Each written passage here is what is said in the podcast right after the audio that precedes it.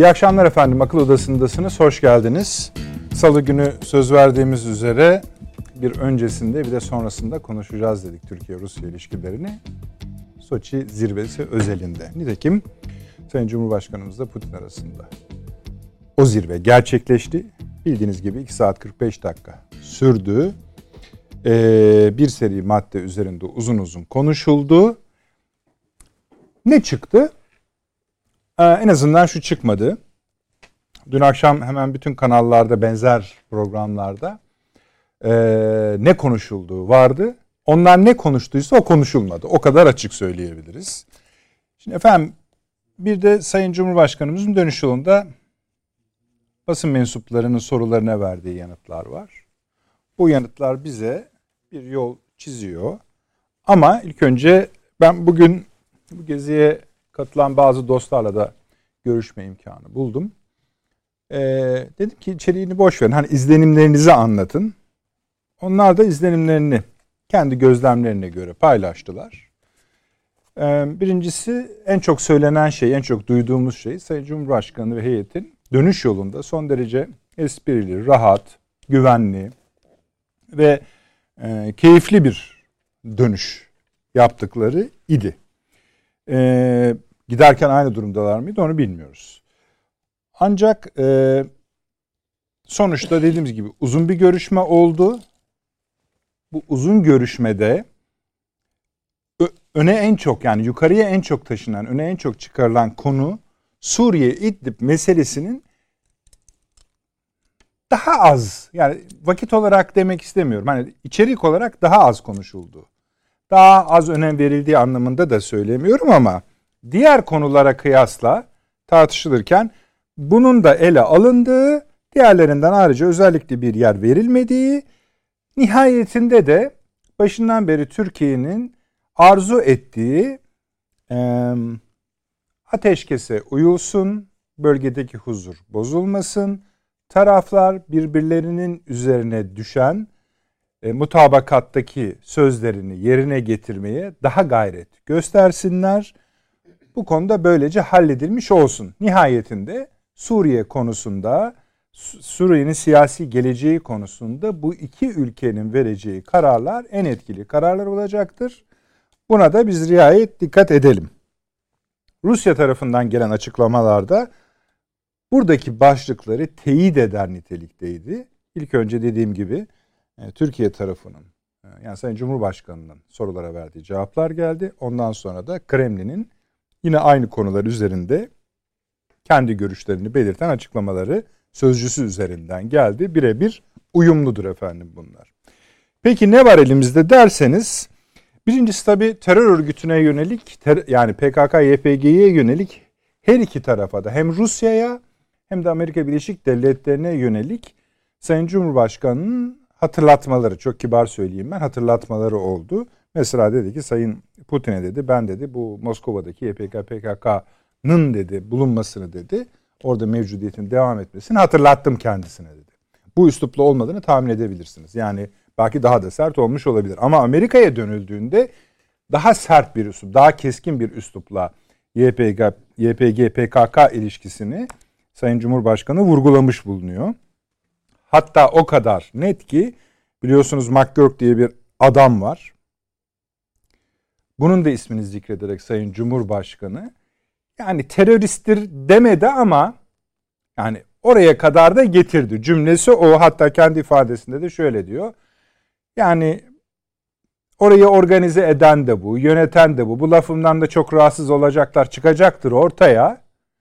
Ama böyledir durum diyerek Amerika Birleşik Devletleri ile terör örgütü arasındaki bağın kişiselleştirerek de isme indirerek de vurgulamış oldu. Nitekim zaten bu görüşmeler yaparken Beyaz Saray'da da Washington'da da e, YPG PKK'nın sözde temsilcileri görüşmeler yapıyorlardı. İş artık o hale kadar gelmişti. Şimdi tek tek bunları ben efendim söylemeyeyim.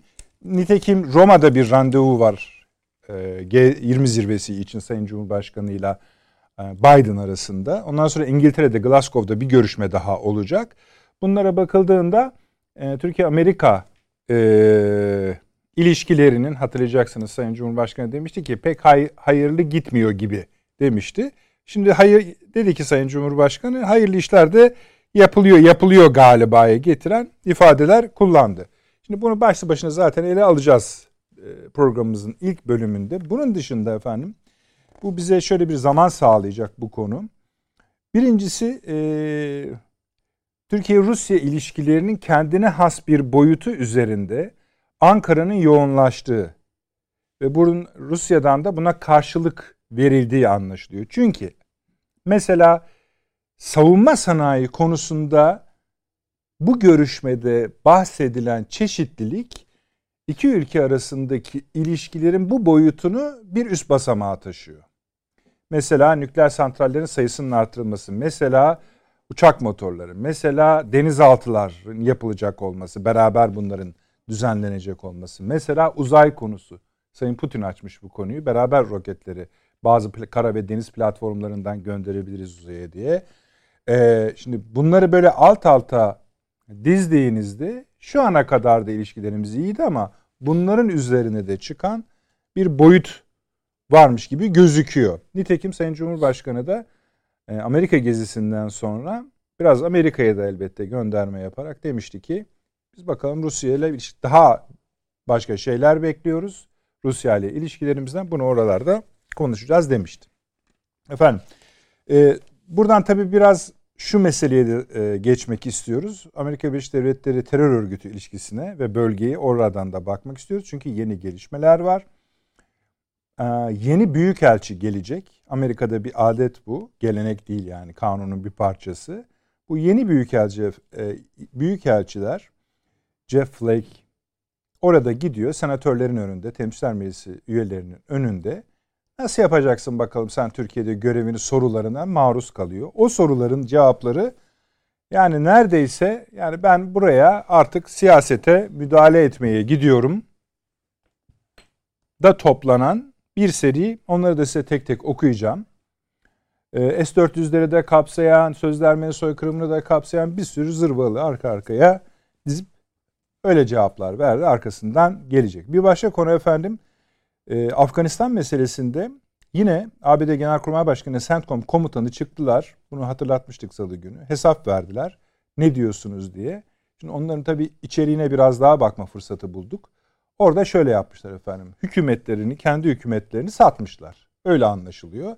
Biz vallahi böyle bir şey demedik. Böyle bir şey asker çıkaralım buradan demedik. Askerler kalsın dedik.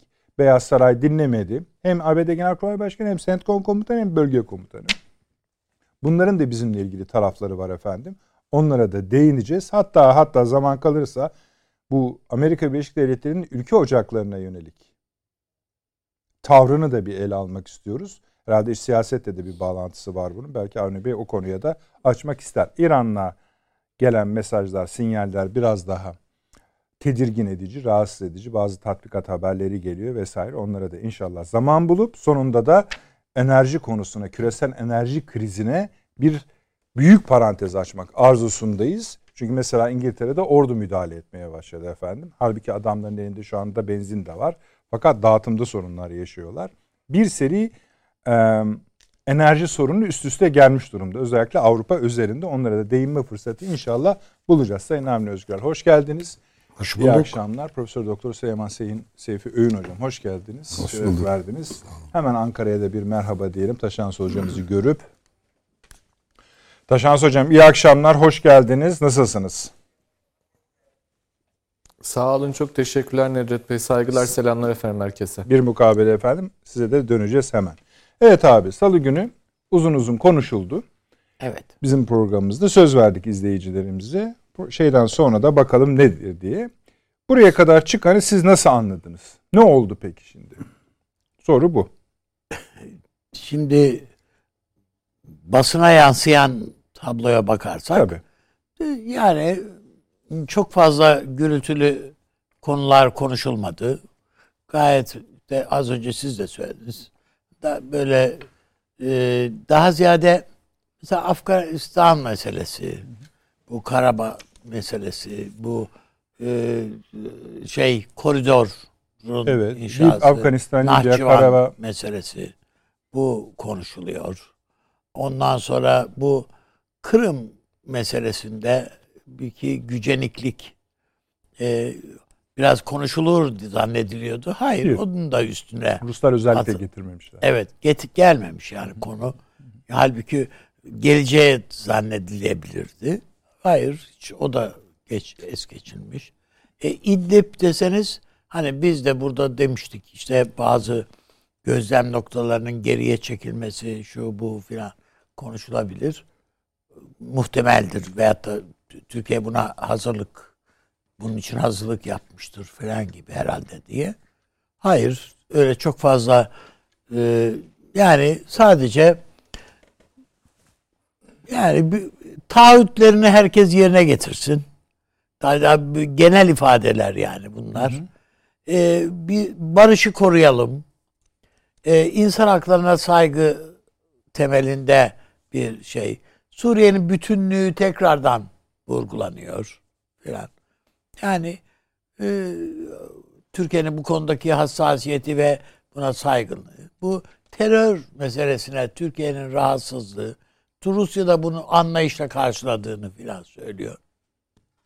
Ama bunların hiçbirisi ortadaki foto tabloyu size anlatmıyor yani nasıl olduğunu. Ve Rusya'da Amerika'yı konuşuyoruz. Bir de bu var tabii. Yani neden S4 şeyleri biz S400'ler şeyini filan da onu da o arada denk getiriliyor, konuşuluyor. Yani ben e, o yüzden bir şeylerin ertelendiği ve hatta ve hatta e, dışarıya çıkılırken e, Putin'in bir cümlesi var. E, Tayyip Erdoğan'la ikimiz uzlaşmayı öğrendik diyor. Evet. Değil mi? Cümlesi yanlış hatırlamıyorsam böyle. Öyle. Hatta şöyle diyor hani bir zorlu konu zorlu konular her zaman önümüze geliyor. Ama hani bir hem biz hem bak ilgili bakanlarımız birinden zaten uzlaşmayı öğrendik yani. Evet. Yani e, bunu krize dönüştürmemeyi Evet. yani öğrendik anlamında filan. E bu iyi değil mi mesela?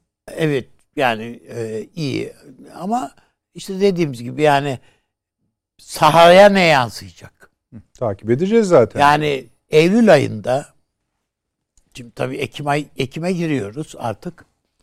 Eylül ayında benim no- aldığım notlara göre e, İdlib bölgesine 200 bombalı saldırı olmuş. Evet. Yani bu Dökümleri var. rejimin ve Evet. Rusya'nın birlikte gerçekleştirdiği say- saldırılar bunlar. Ee, bunlar azalacak mı veya ortadan kalkacak mı? İşte o ünlü karayolunun güneyi, kuzeyi ne olacak burada? İşte devriyeler falan yok oldu gitti. Ne yapacağız? E bir de bizim orada askerimizin güvenliği var. Çünkü e, bir, bir bir gün bir bakıyorsun üç askerimiz şehit olmuş. Ertesi gün bakıyorsun yine bir bomba patlamış. Eğer bir şehidimiz yoksa aman neyse falan diyoruz. Böyle şey yani Ekim ayı da böyle mi geçecek yani mesela gibi. Yani böyle bir tablo var. E, öbür taraftan biz e, Rusya'ya e, Irak'la ilgili kaygılarımızı da aktardık. Özellikle burada İran'ın e, sergilediği tavırla ilgili kaygılarımızı da aktardık. E, İran basbaya orada e, bir kışkırtıcılık bu aslında Suriye'de de yapıyor da yani e, bu zannediyorum Putin'in de e, inkar etmediği bir şey. Evet İran'la ilgili rahatsızlıklar var. Bu hem İra- Irak'ta hem Suriye'de hem de Lübnan çıkışlı olarak rahatsız edici unsurlar var. Yani ben e, bir de Sayın Cumhurbaşkanımızın fazla öyle otur yani çok deta- esasında konuşulmaya kalkılsa İdlib konusu, diğer konular, Türkiye Suriye ilişkileri, Şam'la ilişkiler bütün bunlar hepsi ki orada e, yani MİT Müsteşarımız Sayın Hakan Fidan'la birlikte gitti. Sayın o konuya da bakacağız efendim. Evet. efendim. Değil mi yani e, birçok şey orada gündeme gelebilirdi, konuşulabilir, konuşabilirdi ama anlaşılıyor ki çok fazla istekli ne Rusya değil, çok fazla istekli ne Türkiye'de öyle. Bu konular çok öyle altı çizilmemiş, gündeme gelmemiş falan. Ama tabii bu hiçbir şey konuşulmadığı anlamına gelmez. Ama dediğim gibi e, Sayın Cumhurbaşkanımızın aslında böyle diken üstünde tabiri herhalde yerinde olur. E, bir görüşme olduğu yani karşısına böyle e, dikenli konular e, gelmediği hani biraz daha zaman geçse gelecek hani de demekte bundan tedirgin. Aynı şey yalnız Putin'de de var. Yani e, böyle bir şey çünkü e, Putin'de e, yani ne, şöyle o, diyor gibisiniz. Hani iki tarafta hani görüştük tamam bilsin bu iş kalkalım evet, eve gidelim. Kalkalım evimize gidelim. İşte zaten öyle ki yemek vardı bildiğim kadarıyla resmi programda. Cumhurbaşkanımız yemeğe kalmak istememiş mesela gibi. İşte MGK falan da vardı ya bugün belki. Hayır yani e, canım kaldıktan sonra Cumhurbaşkanımız yani MGK bir saat geç başlasa ne olur veyahut da Ona da şuna olabilir. Ama hı hı. yani e, belki de öyle bir isteksizlik var yani. Bir araya gireyim abi unutma evet. sen sözünü devam edeceğin evet. yeri kaçırma. Şimdi bu şeyden bahsettin ya saldırıların e, sayısından evet. bahsettin. Evet çok. Şimdi burada bir hakkı da teslim etmek gerekir ayrı bir alan olmasına rağmen. Serhat Erkmen'dir bu konuda doçent. Çok güzel yani evet. bölgeden data veri toplayarak bilmiyorum Taşans hocamı tanıyor olması lazım. Ben kendisiyle bir kere bir programda karşılaşma şansı hmm. buldum. O diyor ki e, 2020 yılında mutabakat olduğunda evet. o sene bu saldırıların sayısı 50. Olabilir. Evet. 50. 2021'de bu rakam 444'e çıkıyor. Eylül'e ha, kadar. Evet. Ben benim verdiğim rakam sadece Eylül ayı. Tabii. 4-25 arası 4-25 Eylül arası 360 ha. var. Yani işte hakikaten bir orada bizim Tırmanış. tarafa yönelik bir sıkıntı oldu. Tabii. Zaten bu toplantıda bu konunun bu kadar öne çıkmasının sebebi bu. Bunlar olduğuna göre bunun arkasından politik siyasi bir talep gelecek. Bir şey söyleyecek Tabii. adamlar diye. Yükselmiş ama söylemiyorlar da Söyle. ama herkes ne denmek istediğini de anlıyor. Anlıyor. Tamam işte. Yani izanınız varsa size ne söylemek söylenmek istendiğini anladı anlayarak sonraki davranışlarınızı ona göre şey yapabilirsiniz. Ben öyle zannediyorum ki bir takım örgütleri hı hı. özellikle e, İdlib'in e, batı tarafındaki e, ufak örgütler var. Bunlar e, gerçekten bir takım eylemler de yapıyorlar. Yani Şam'ı rahatsız edecek eylemler de yapıyorlar. Bunları heyet tahrir Şam'a temizlettirecek Ankara. Bazısını. Bazısını kendi temizleyecek, bazısını da Tahrir Şam'a temizletecek. Mesela gibi e, düşünüyorum. E, Rusya e, Şam'ı biraz frenleyebilir. Ama Şam çok fazla asker yığdı oraya. Türkiye'de öyle. Çok fazla asker aktardık bölgeye. Bunun e, bir esas tedirginlik şu.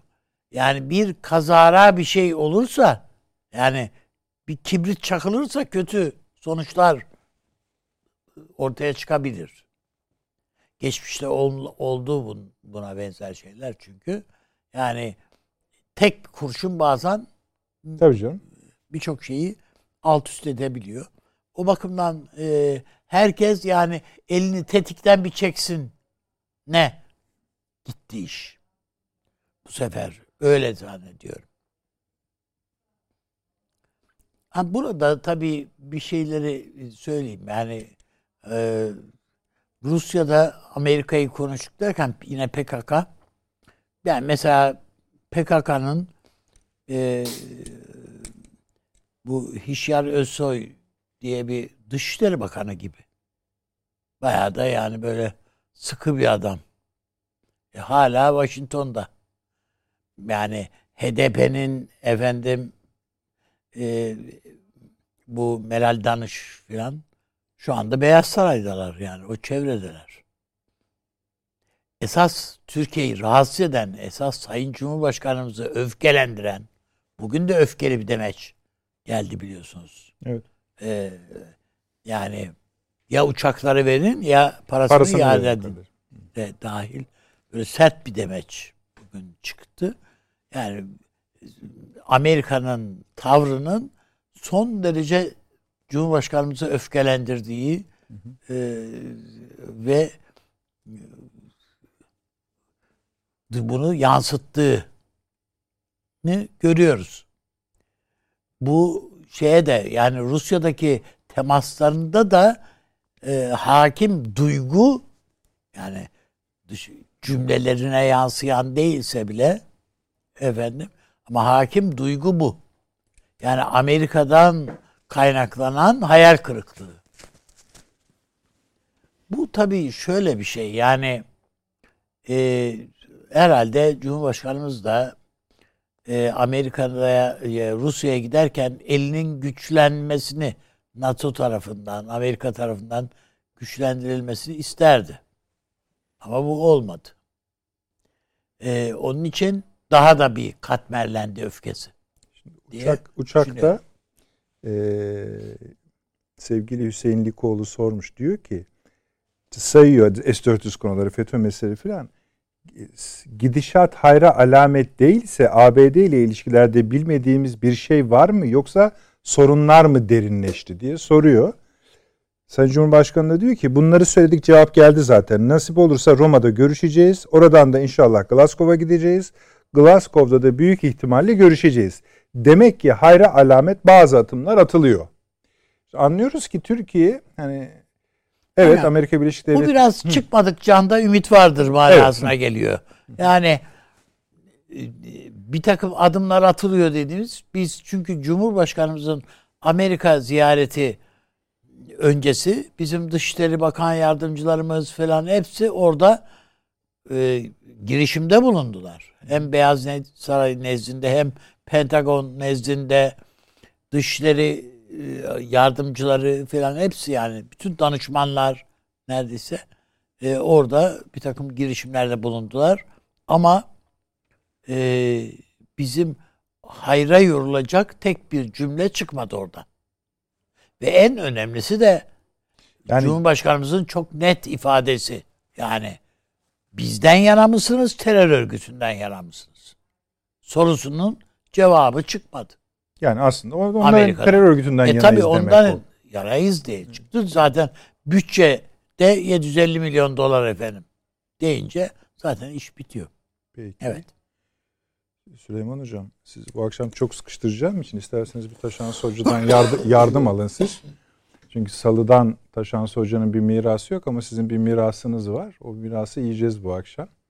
Taşan Hocam e, isterseniz siz hani ziyaretin başlangıcı böyle yani salı günü konuştuğumuz boyutundan da başlayarak tamamına ilişkin e, bir analizde bulunursanız seviniriz. Tabii nihayetinde bugünkü açıklamalar üzerinden de sizin görüşlerinizi öğrenmek arzusundayız. Valla salı günkü programda ben yoktum tabii ama e, hemen öncesinde perşembe günü yani tam bir hafta önce Evet. E, sizin programınızda e, sizin sayenizde e, bu imkanı bulup anlatabildiklerimin gerçekleştiğini görüyorum aslında. Estağfurullah. Buyurun. E, o anlamda da bir gönlüm rahat e, onu söylemek isterim. E, şöyle ki şimdi Sayın Cumhurbaşkanı'nın verelim. Daha açıklamalarından ve daha sonra Peskov'un açıklamalarından anladık ne olduğunu, ne görüşüldüğünü. Şimdi buna dair pek çok şey söylemek mümkün. Şimdi birincisi e, bu çok normal bir şey değil. Bir defa bunu hepimizin kabul etmesi gerekiyor. Nedir normal olmayan? E, heyetler arası görüşme olmaması, baş başa görüşme olması. Bu e, işin e, ciddiyetini, e, ciddiyet kelimesini pek çok anlamıyla değerlendirebiliriz burada gösterir. E, ancak e, mesela bizim Dışişleri Bakanımız yoktu Ancak Rusya Dışişleri Bakanı da yoktu. Mesela Dışişleri Bakanlarının e, hazır bulunmamaları kim tarafından istendi? Rusya tarafından mı, Türkiye tarafından mı? Bu benim için bir sorudur ama benim anladığım e, büyük ihtimalle Rusya tarafından e, Dışişleri Bakanlarına gerek yok e, denmiş olabilir. Çünkü Lavrov'un da son iki haftadır biliyorsunuz bu işte gayrimeşru ilişki ve bu gayrimeşru ilişkiye bağlı olarak yolsuzluklarla alakalı başı bayağı bir belada Rus basınından. Çok da insan içine çıkmıyor Lavrov son iki haftadır. Bununla alakalı olabilir diye düşünüyorum ama yine de her halükarda bu ilginç bir şey. Yani Dışişleri Bakanlarının bulunmaması ilginç bir şeydir. E, ben hep söylüyorum sizin programınızda yani bizim hariciye e, önemi öyle bir önemdir ki iki tane modernleşme modelimiz vardır bizim. Biri hariciyedir öbürü harbiyedir.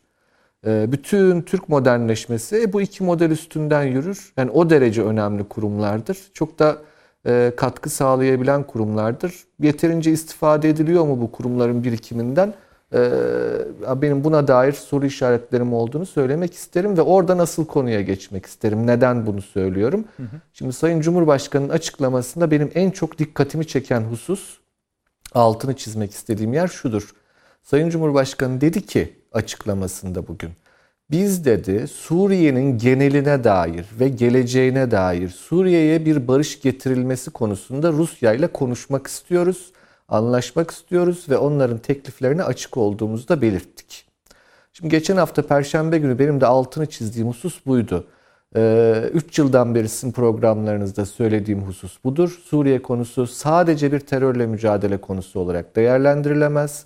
Sadece sınır güvenliği konusu olarak değerlendirilemez. Çünkü şöyle söyleyelim sınır güvenliği dediğiniz şey mesela İsrail 1950'li yıllarda derdi ki işte topçu atış menzili o, o orayı ben güvenli bölge yapacağım. Ya bugün topçu atış menzili kaç kilometre Allah aşkına? Füze denen teknoloji kaç kilometredir? Yani sınır güvenliği öyle çok çok ciddi bir mesele değil. Artık sınır güvenliği demek şu demek komşunuz olan ülkenin anayasal statüsü ve sizinle kurduğu ilişkinin mahiyeti ne olacak? Bu demek. Dolayısıyla geçen hafta perşembe günü söylediğim ancak ve ancak İdlib konusuna kitlenirse konu hiçbir hayırlı şey e, çıkmasını beklemiyorum. Ancak ve ancak genel Suriye konusu konuşulmaya başlanırsa e, olumlu şeyler olabilir cümlesini e, zikretmiştim geçen perşembe günü. Zannediyorum bu görüşmelerde olan şey odur. Türkiye ve Rusya ilk kez Suriye'nin geneline dair, Suriye'nin geleceğine dair konuşmaya başladılar. Nasıl bir Suriye olacak?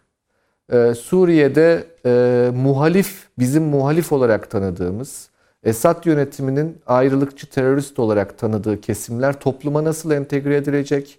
Bir genel af nasıl çıkarılacak? Bölgelerin yönetimi taşra idaresi nasıl bir statüye kavuşturulacak? Suriye'ye geri dönüşler nasıl bir mekanizma ile oluşturulacak? Uluslararası yardımlar bu anlamda nasıl bir statüde olacak? Suriye devletinin e, bundan sonraki süreçte kendi ahalisine, kendi halkına özellikle muhaliflere karşı e, sorumlulukları, devlet sorumlulukları nasıl gözlemlenecek ve nasıl denetlenecek ve nasıl teşvik edilecek? E, benim anladığım artık Türkiye ve Rusya bunları konuşmaya başladılar. E, yani çok keskin konuşmak istemem çünkü sonuçta baş başa yapılan bir görüşme. E, Sayın Putin ve Sayın Erdoğan baş başa görüştüler. Dolayısıyla hani bizim orada ne konuşulduğuna dair en başta söylediğim gibi tek bilgi kaynağımız Sayın Erdoğan'ın bugün yaptığı e, kısıtlı açıklamalar ile Sayın Peskov'un yaptığı evet. kısıtlı açıklamalar. E, ancak e, ben şunu söylemek isterim ki asıl konu İdlib'ti.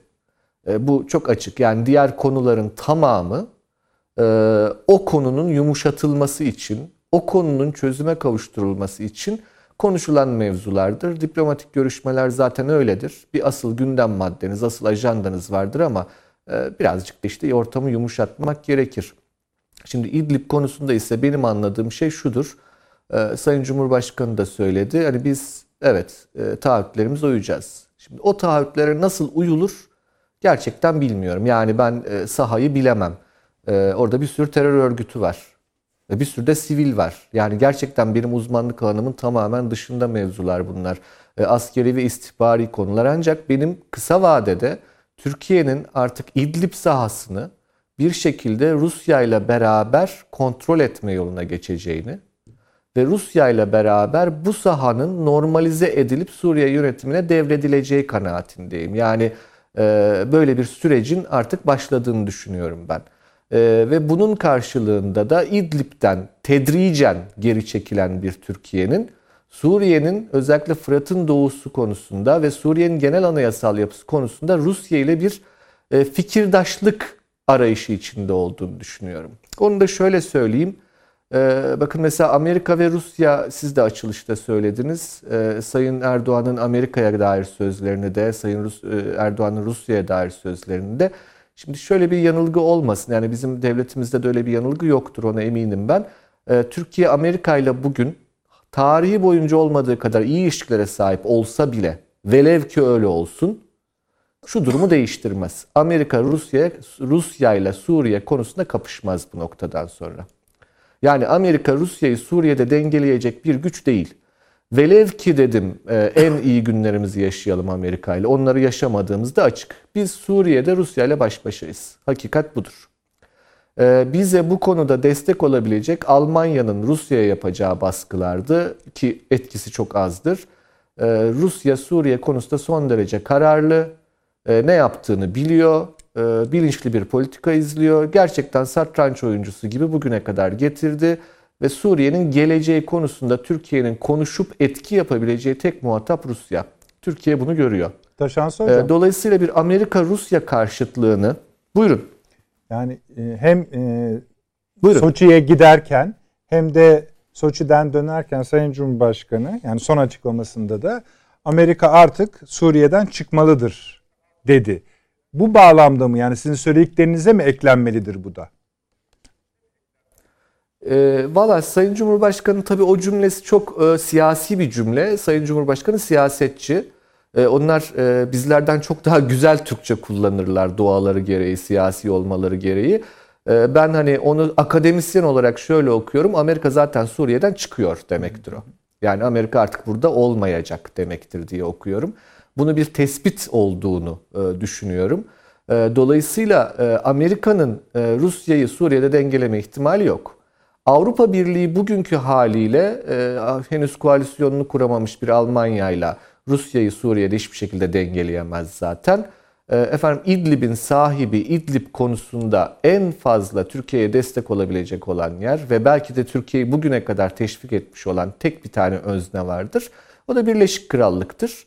Ee, Birleşik Krallığın da Rusya'yı Suriye'de dengeleme ihtimalinin olmadığı aşikar. Şimdi dolayısıyla e, İdlib konusunda bir uzlaşıya eninde sonunda Türkiye ve Rusya varmak zorunda. Neden varmak zorunda? Türkiye daha genel olan Suriye hakkında Rusya ile daha yapıcı konuşabilmek için anladığım kadarıyla e, bu adımı atacaktır kısa vadede, önümüzdeki kısa dönemde diye düşünürüm. E, çünkü asıl olan söylediğim gibi e, hakikat şu, 1958 Suriye krizini hatırlayalım. E, bunları hatırlamak, bilmek gerekir tarih. Önemli bir mevzudur. Ders çıkarmak için. Çok sevdiğim bir karikatürdür. Bir tarihçi oturmuş şey diyor. E, tarih bile tarih bilmeyenler tarihten ders almadıkları için saçma sapan işler yapmaya devam ederler. Torunu da soruyor. Peki tarih bilenler ne yapar? Tarih bilmeyenleri izleyerek e, kaygılanırlar. Yani ne yazık ki böyledir. 58'i iyi hatırlamak gerekir. 58 Suriye krizini yine Türkiye'nin dahil olduğu krizdir. Ee, bugün e, Rusya Suriye konusunda belli bir noktaya geldi ve bunun geri dönüşü yok. Bu geri dönüşü olmayan noktada Türkiye bundan sonra Rusya ile Suriye konusunda tek bir konuda e, konuşmak durumunda. O konunun adı anayasal sistem. Yani otonomi ne demek? Özellik ne demek? Üniter devlet ne demek? Bakın 3 yıldan beri bir kere daha söyleyeceğim. Dilimde tüy bitti benim. Mevzu budur. Suriye'nin geleceği mevzudur. E, o konuda da hani Dışişleri Bakanlığımızdan yeterince istifade ediliyor mu kaygılarım var dedim. Oraya bağlamak isterim. Yeterince uzmanımız var mı onu da bilmiyorum işin açıkçası. Mesela Arapça bilen bir anayasa hukukçumuz var mıdır bizim? Benim bildiğim kadarıyla yok. Ee, önemli midir yani illa Arapça bilmesi mi lazım? Lazım efendim yani evet Arapça bilmesi lazım. Arap anayasal, anayasal sistemini, Arap aklını bilmesi lazım. Biraz antropoloji bilmesi lazım ama aynı zamanda anayasa hukukçusu olması lazım meslekten ki Sayın Cumhurbaşkanı, e, Sayın Rusya Federasyonu Devlet Başkanı ile görüşürken ona doğru doneler sunulabilsin. Şu şu şu gelenekten şu maddeler Suriye için önemli olabilir gibi. E, bunlar e, ciddi anlamda bürokrasi, bürokratik mekanizmanın ihtiyaçlarıdır e, ve kapasitesidir. Ancak bunlarla siyasi karar alıcılar zaten yeterli faaliyetlerde bulunabilirler. Benim anladığım bu noktadan sonra Türkiye-Rusya ilişkilerinin daha da yakınlaşacağı, çünkü Sayın Erdoğan'ın açıklamalarından onu anlıyorum. Şimdi ikinci ve üçüncü nükleer santraller Rusya. E, o konuda da pek çok insanın kaygıları olacaktır. Doğalgazı Rusya'dan alıyoruz. E, işte yeşil mutabakat imzalanacak. Zaten bizim termik santrallerimizin pek çoğu e, ne yazık ki biliyorsunuz e, kapasite dışı kalacak. E, doğalgazı Rusya'dan alıyoruz. Birinci nükleer santral Rusya'da, 2 ve 3 de Rusya'da enerji bağımlılığı bir sorun olur mu? Bunu soran bir sürü insan olacaktır. Muhakkak. Bunun cevabını ben bilemem. Hocam. Yani bunu enerji uzmanları bilir. Buyurun. Bu konu da aslında satır aralarında Buyurun. kalan bir şey. Bu doğal gaz meselesi açıldı. Orada da Putin açıldı. Hani, Putin dedi ki yani Türkiye güven yani Avrupa krizi üzerinden de okuyabiliriz bunu. Türkiye güvenli dedi. Güvenli hissediyor. Tabii dedi. ki. Tabii yani ki. Şey Türkiye güvenli dedi ama bakın orada satır arasında çok o çok sizin e, dediğiniz caridir ona diyecek bir şey yok. E, çok becerikli bir cümle var. Yani o cümle şudur. Türkiye güvende çünkü Türk akımı var diyor. Tabii. Türk akımı biliyorsunuz nereyi bypass ediyordu? Ukrayna'yı bypass ediyordu. Yani e, ben diyor stratejik olarak Ukrayna üzerinden sana gaz satışını kesebilirim. Ama Türk akımın var rahat ol. Ancak fiyatlama konusunda e, biz herhangi bir açıklama duymadık. Ne Sayın Cumhurbaşkanı'ndan ne de Kremlin sözcüsünden e, herhangi bir açıklama duymadık ve fiyatlama en ciddi Ümidimiz konu. Şu an hocam. Avrupa ciddi bir kriz yaşıyor buna evet, dair. Konuşacağız işte. Daha sonra konuşacağız ama fiyatlar uçtu. Yani şu an yapılacak bir anlaşmanın mahiyeti nedir, ne olacaktır bilemiyorum. Diğer bir husus Akkuyu'dan sonra 2 ve 3 dedik ama e, bu savunma sanayi konusunda işbirliği biliyorsunuz sadece teslim almak S-400'leri Katsa yaptırımlarıyla alakalıydı. Yani Katsa yaptırımlarını e, tetiklemişti. E, bu sefer S-400'lerin bazı parçalarının Türkiye'de üretilmesi yahut Su-35'lerin alınması yahut Almanya'nın yaptığı denizaltı projesinden vazgeçip Rusya ile ortak denizaltı yapma projeleri e, bunlar ne kadar gerçekçi e, ya da ne kadar hani e, umut ya da geleceğe dair vaat onlar tartışmaya açıktır. Ama bütün bu konuların hepsi bence Suriye ile alakalıdır. Ve Suriye konusunda da Türkiye'nin artık işin bir noktaya geldiğini gördüğünü ve bu noktadan sonra devam edilemeyeceğini Türkiye'nin kabul ettiğini e, ben e, değerlendiriyorum. Dolayısıyla hani bu görüşme belki de tarihe e, Suriye'nin Rusya tarafından yeniden imarının ve Türkiye'nin de bu sürece destek olması demesem bile en azından engel olmayacağına dair bir görüşme olarak geçebilir diye düşünüyorum. Çok uzattıysam kusura bakmayın. Estağfurullah Siz daha konuşacağız. Demiştiniz ama ben bayağı uzun konuştum galiba. Yok yok daha başka konular da var da şimdi parçaları burada, bitirmeye çalışıyoruz. Burada şöyle bir şey var. Buyurun. Yani bilmiyorum o da hocam ne düşünüyor da. Birincisi Şam'ın dünün Şam'ı olmadığını düşünüyorum ben mesela. Dün çok eli zayıf bir Şam vardı. Şimdi hele Amerika'nın oradan tamamen çekilip çekip gideceğini göz önüne alırsak e, eli bana göre güçlenmiş bir Şam var elinin güçlendiğinin bir işareti de İdlib konusunda sadece Rusya'nın yüreklendirmesiyle değil. Yani doğrudan doğruya e, o Arap milliyetçiliği duygularıyla İdlib'in Tabii, e, hududuna e, Halep'ten başlayarak dayanmış olması Şam'ın. Birincisi bu yani ve biz hala e, Amerika ile yapılan kurgunun e, peşindeyiz. Yani e, hala e, Esed'i nasıl döveriz? Hala o onun üzerinden işte PYD, PKK. Halbuki o daha yani o aşamayı geride bırakmış olmamız icap edebilirdi. Bunları belki gör, konuşacağız önümüzdeki dönemde. O yüzden yani biraz daha zaman kazanıyoruz. Bu son gör, bu görüşmede Rusya ile ilgili olarak yani biraz daha siyaset üretmeye zaman olsun diye. E, Şam'ın elinin güçlendiğini e, Esed'in son Moskova ziyaretinde bile görünüyor yani diye düşünüyorum. Peki. Yani onu bilmiyorum. Hocam ne düşünüyor onda? Ben bir ekleme yapabilir Buyurun. miyim? Avni Bey Üstad'ın söylediği çok önemli Nedret Bey. Ee, ya özellikle bu e, esen bir Arap milliyetçiliği rüzgarı var Orta Doğu'da. Şimdi hani Orta Doğu'ya biz Türkler bakarken ne yazık ki oryantalizmi çok eleştirir bir sürü kesim ama kendileri de oryantalizmden bir türlü kurtulamazlar.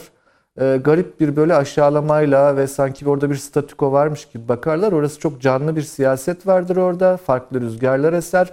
Ve şu an esen rüzgar çok sağlam bir Arap milliyetçiliği rüzgarı.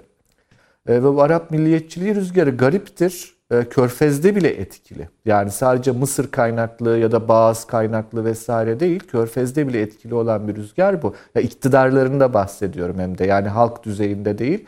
Körfez iktidarlarında bile etkili bir rüzgar. Bu Şam'ın elini kuvvetlendirir ama burada asıl mevzu Şam değil. Burada asıl mevzu Rusya'nın galibiyetidir. Rusya Amerika'ya karşı kazandı.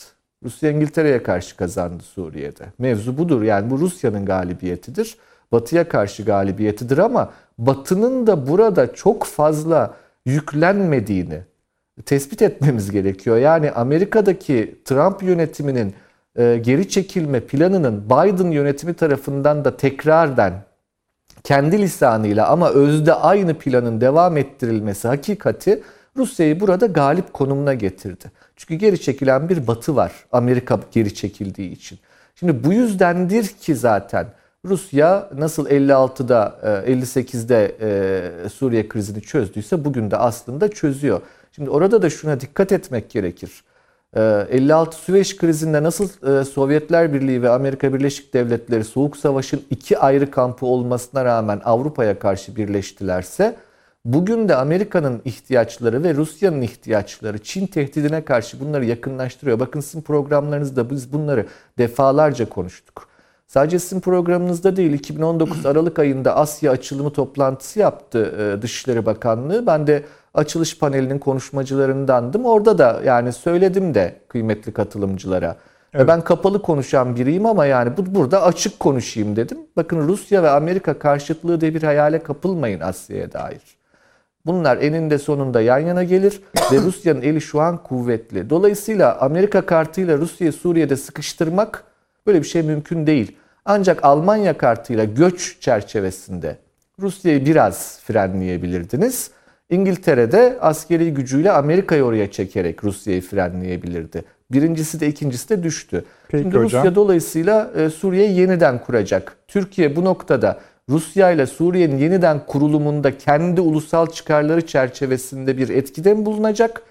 Yoksa tamamen kapıları kapatıp orada ne olursa olsun deyip kendi ulusal çıkarları aleyhine şeyleri izleyecek mi? Mevzu budur. Ee. Anladığım kadarıyla bu bir kritik e, dönüm noktasıdır diye düşünüyorum Suriye krizine dair. Peki hocam. Yani şunları da tabii keşke fırsatımız olsa da küçük parantezler içinde tartışma fırsatı bulsak. Mesela dediniz ki ABD çok abanmadı. Biraz da bu yüzden oldu dediniz. Ya abansaydı Tabii. Son 35 yıldır abanıyor. 35 yıldır abandığı için çekilmek zorunda da Abanmaz. kalıyor olabilir. Yani şöyle Hayır, bir şey çıkıyor da taşan Bakın yani işte bunları tespit etmek dış politika yaparken önemli. Adamın derdi Çin. Yani adamın derdi Çin olduğuna göre buraya dair nasıl politika izleyeceğini öngörmek gerekir. Neden abansın? Yani çok önemli bir yer değil burası. Bakın Ya bizim son için 35 beka yıldır önemliydi. Suriye, 40 yıldır önemliydi. Amerika açısından e, vallahi çok o kanaatte değilim ben Nedret Bey ya. tamam çıksın o E, zaman. yani Hazır Orta eli Doğu değmişken- Doğu Akdeniz, Atlantik ha yani hazır eli değmişken olabilir. Türkiye'den de çıkabilir diye yani. düşünüyorum. yani. Neyse. Şöyle yapalım. E, Ben çıktıkları kanaatindeyim olabildiğince. Hayır hayır üstleri falan götürüyorlar ya onları da dedim. Yani yoksa tabii çıksın Hı. canım. Ben ona, bir şey demiyorum. Neyse ayrı konu. Ee, Süleyman Hocam şimdi siz e, salı günkü şey programa başlarken daha ilk saniyesinde zor bir program olacak demiştiniz. Siz zor program görmemişsiniz. Reklamlardan sonra görün zor program. Değil mi? Öyle. Peki. Hemen geliyoruz efendim.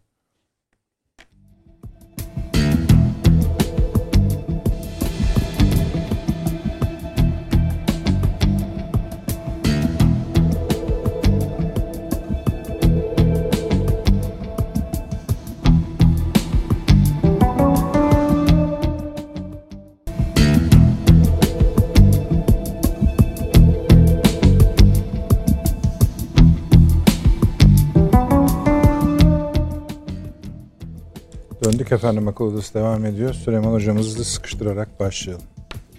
Daha karamsardınız. Devam ediyor karamsar. Daha karamsar. Tabii. O akşam saydığınız veriler yani karamsarlığınızı besleyen veriler cari midir? Ee, değiştiğine dair bir izlenim almadım. Ama açıklamalar var. Ben öyledir Ama anlamında ben- söylemiyorum. Soruyorum efendim. Ee, o açıklamalardan bir şey çıkmıyor. Yani Ama mesela İdlib'de evet ne var? büyük e, gerilim gözüküyordu. Şimdi o, o ton o aynı renkte mi? Şimdi bakın İdlib'i Türkiye ne kadar kontrol edebilir? Mücavir alanlarıyla. Hı hı. Rusya ne kadar kontrol edebilir? Ondan emin değilim. Kim kontrol edebilir? Yani orada her an çok kontrol dışı bir takım şeyler devreye girerek Hı hı. masa başında diyelim ki serapa hüsnü niyetle konuşuldu. Ee, Sayın Putin, Sayın Erdoğan anlaştılar. Yani tansiyonu yükseltecek şeylerden uzak duruyor, duracağız. Bundan sonra dediler. Varsayalım. Ki belki de öyle konuşuldu. İşte herkes biz de, biz de dahil sahaya bakacak bundan. Pratiğe Aha, bakacak. sahaya bakacak. İşte o sahaya baktığınız zaman orada kimden geldiği de belli olmayan bir küçük kıvılcım Rusya'yı da Türkiye'yi de süreci kontrol edemez bir tarafa sürükleyebilir. Şimdi şey çok tespiti doğru Taşansı Hoca'nın diyor ki yani Amerika çekiliyor ve burada eleğin üstünde kim kalıyor? Türkiye, Rusya. Doğru. İkisi kalıyor. Ama bir başka aktör daha var. İran. Rusya'nın hem vazgeçemediği hem de kontrol edemediği bir güç. Mesela ben bazı yazılar okudum bu aralar.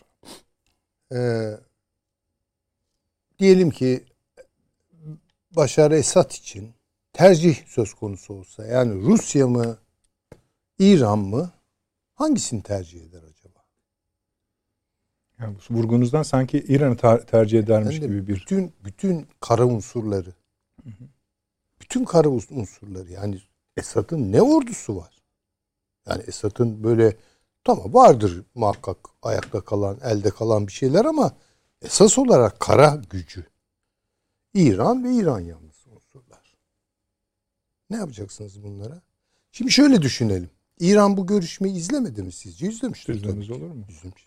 Hatta yeni kararlar açıkladı. Türkiye ile Rusya'nın tutalım ki fevkalade hüsnü niyetli, fevkalade samimi bir e, rıza birliği çıktı bu görüşmeden. Şimdi izleyiciler yanlış anlamasın tabii de ben İran olsam sabote ederim bunu. Ben İran olsam bunu sabote ederim. Ve öyle bir sabote ederim ki yani Rusya da bunu kontrol edemez, Türkiye de kontrol edemez. Şimdi orası hakikaten saat ayarlı bir bomba gibi yani şey yok ki. Yani e, neyin ne olacağı belli değil ki. Bir sürü terör örgütü var orada. ıvır zıvır. Bugün şuradan görünen, yarın başka yerden görünen tipler falan var. Ya bunu dediğim gibi hüsnü niyetle ve samimiyetle bir rıza birliği sağlamış olsalar bile sabote edecek ve tersine çevirecek çok şey var orada. En başta da İran var. Bunu unutmayalım. Eğer bunu konuştularsa iki lider bunu nasıl manipüle edebiliriz? İşte bu o görüşmenin samimiyet derecesini yükseltmiştir. Ama konuşuldu mu acaba? Onu bilmiyorum. Hatta bu şunu da doğurabilir. Eğer Rusya'da hüsnü niyet ve samimiyet eksikse bir şey yapar, İran yaptı der. Vurmak istiyorsa eğer Türkiye'yi, çünkü Türkiye orada açık hedef. Şimdi ben burada açıkça söylemek durumunda hissediyorum Buyurunuz. kendimi. Estağfurullah. Çok mert milletiz biz hakikaten. Yani dünyadaki pek çok milletten daha mertiz herhalde. bir şeye girdik mi girer miyiz girmez miyiz oralar biraz tartışma ama gövdemizle gireriz. Yani Türk gövdesiyle girer. Ama dolayısıyla açık hedef haline gelir. Şimdi bakın İran orada mı? Ve orada. Rusya orada mı? Orada. Ama sanki yok. Yani Sayın Putin şunu dese hiçbir şey lazım gelmez. Vallahi yani bizim orada evet bir takım şeylerimiz var ama esas olarak biz Rus ordusu orada değil. Ya da e, kim Wagner var bilmem ne var. İşte Libya'da falan daha çok yapıyor bunu. İran ordusu var mı orada? İran ordusu da yok orada. Kim var? Hizbullah var. Haçlı bilmem ne var. Oysa biz gövdemizle girmiş vaziyetteyiz oraya. Şimdi dolayısıyla süreç bizim açımızdan daha kırılgan. Bunu arz etmek istiyorum. Estağfurullah. Yani bunu da yani kimse kusura bakmasın ama yani 20 yaşında bir evladımızın İdlib'de daha hayatın hiçbir şeyini tadamadan şehit olmayı tabii onu bir mertebe öteki alemde kavuşturacaktır ama benim de içimi yakacaktır yani. Yunus Emre'nin çok güzel bir şiiri evet. vardır. Yani bu dünyada iki şeye yanar içim göynür özüm. Genç iken ölenlere göğe ekim biçer gibi. Yani bu acı yani bu olacak iş değil. Çünkü orada biraz bu bu tablo, bu mertliğimiz gövdemizle girmemiz çok kırılgan bir noktaya getirdi bizi. İran şeytani bir siyaset uyguluyor. Rusya şeytani bir siyaset uyguluyor.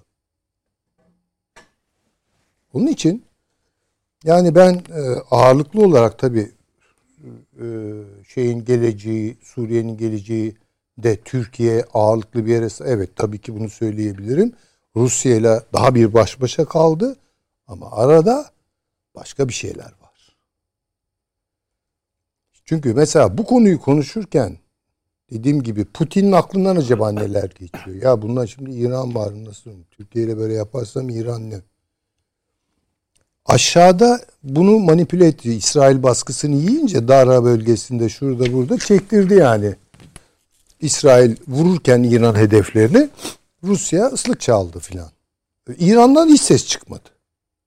Yani hakikaten şeytani siyaset böyle bir şey yani.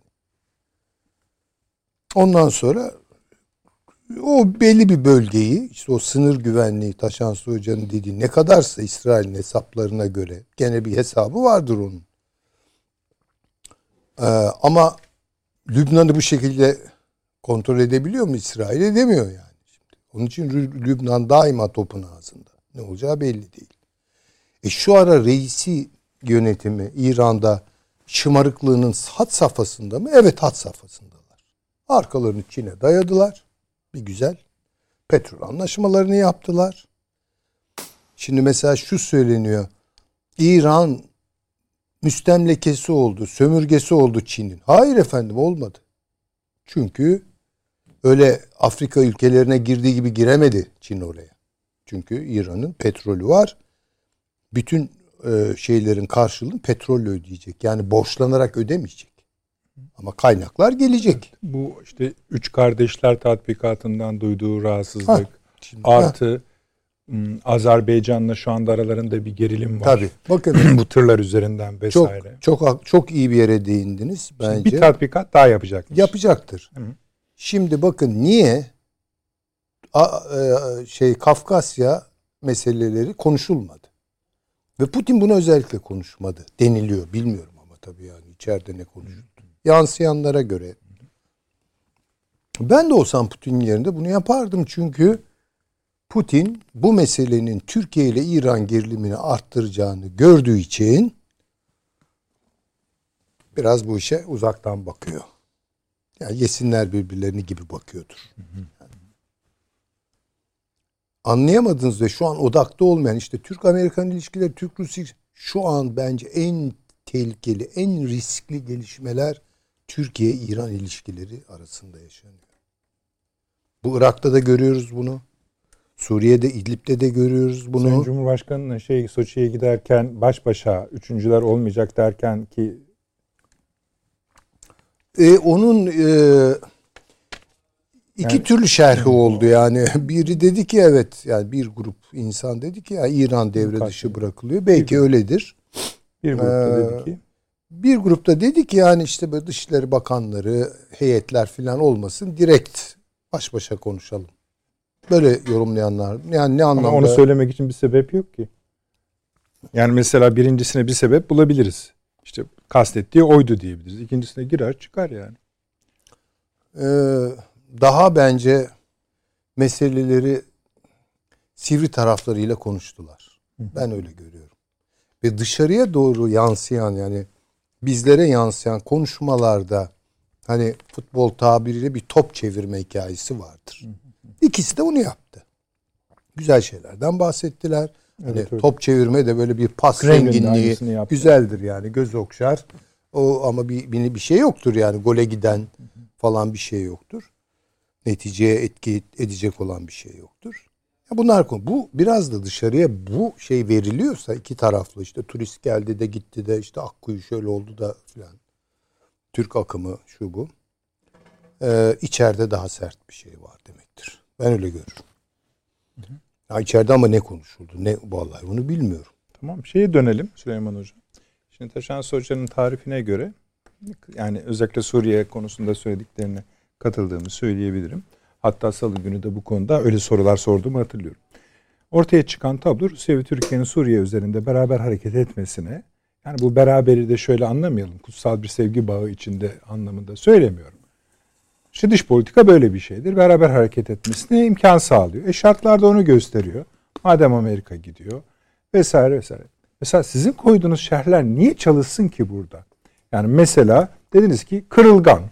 Ne kırılgan değil ki Orta Doğu'da. Kaldı ki böyle bir mayınlama her iki taraf tarafından hızlıca fark edilir. Hem Türkiye hem Rusya tarafından. Ee, başka ne var? Ha neden bu Vallahi şey yani- Amerika'da çıkıyor? Eğer bu görüşme birinci şerh doğruysa İran'ı dışlamaya dönük Rusya tarafından ve Türkiye tarafından ortak bir temayül eğilim olarak İran'ı dışlamaya dönük bir muhtevaya, içeriğe sahipse çok iyi. Bakalım ya bunu yapabilecekler mi yapamayacaklar. mı? Öyle düşünmemiş olsalar da doğası bunu getirmedi mi artık? Ama yani? bu böyle yani Rusya Sui gözden generis- çıkarabilir mi? Ya Efendim? İran Rusya İran'ı gözden Ha, çıkarır mı? işte meseleler o yani ne kadar çıkarır? Şimdi şu an Şöyle Türkiye'nin soralım, kafasında şu- şey pardon affedersiniz. Estağfurullah. Ee, Rusya'nın kafasında şu var. Buralarda ne kadar Türkiye ile gidebileceğim, ne kadar İran'la gidebileceğim. Bence meseleleri budur. Onun için çok böyle biz bize kalmış değiliz yani Türkiye Rusya meselesi. Çünkü başka bir faktör var İran ve başka bir faktör var İsrail. Başka bir faktör var İran konusunda Çin. Mesela, Tabii yani, yani Rusya mesela buna ne diyordur? Şimdi bakın Rusya'nın zaten burada da söyledik. Taşan Hoca da söyledi. Üstadım da e, bize katılıyor e, anlayabildiğim kadarıyla. Paşa da e, paşamız da e, söylüyor. Amerika Birleşik Devletleri ile Rusya arasında anlaşma diyemem. Yani ittifak kurma asla diyemem. Ama, bir şey, Ama alan açma, bir, birbirlerine alan açma ile ilgili Adam üst kullandırıyor. Tabii tabii.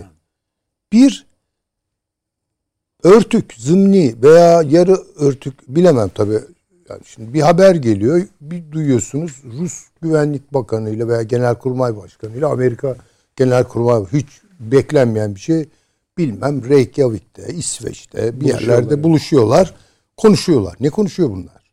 Şöyle bunu şeyde bir açtırız aslında hemen bir oraya da bir parantez açayım.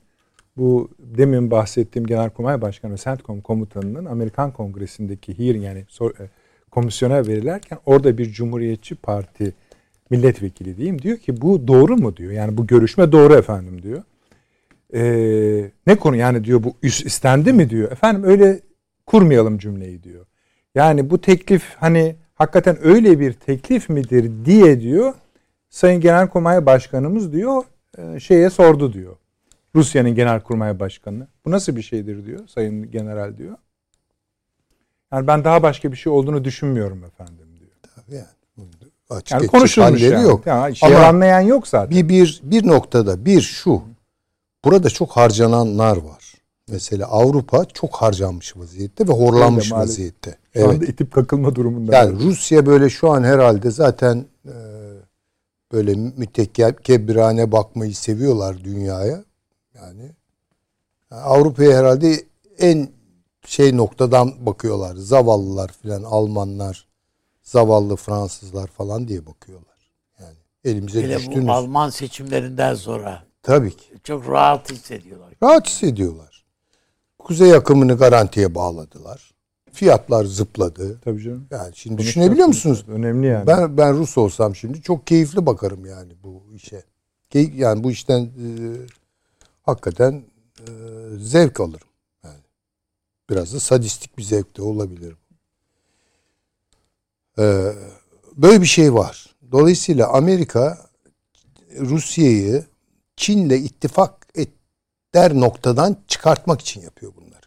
O da diyor ki madem öyle karşılığını biraz alırız yani. Kendi aralarında onlar Orada faz değişiyor yani. Tabii tabii. O konuda Orada, haklısın. orada faz değişiyor. Yani masanın büyüklüğü farklı olur. Orada başka. Dil de başkadır eminim. Yani standart bir diplomasi dilinin de dışında bir dil konuşuluyordur. Yani onları bilemem. Süper güç bunlar yani şakası yok ki. New York Times'ta bir şey soru New York Times'ta mı herhalde oradan bir soru geliyor şeye Tayyip Erdoğan'a Sayın Cumhurbaşkanı'na diyorlar ki S-400'leri aldınız değdi mi diyor adam. Ga- gazetecilerinin soruları bile e, ne diyor şey, peki cevap olarak? Bence değdi diyor.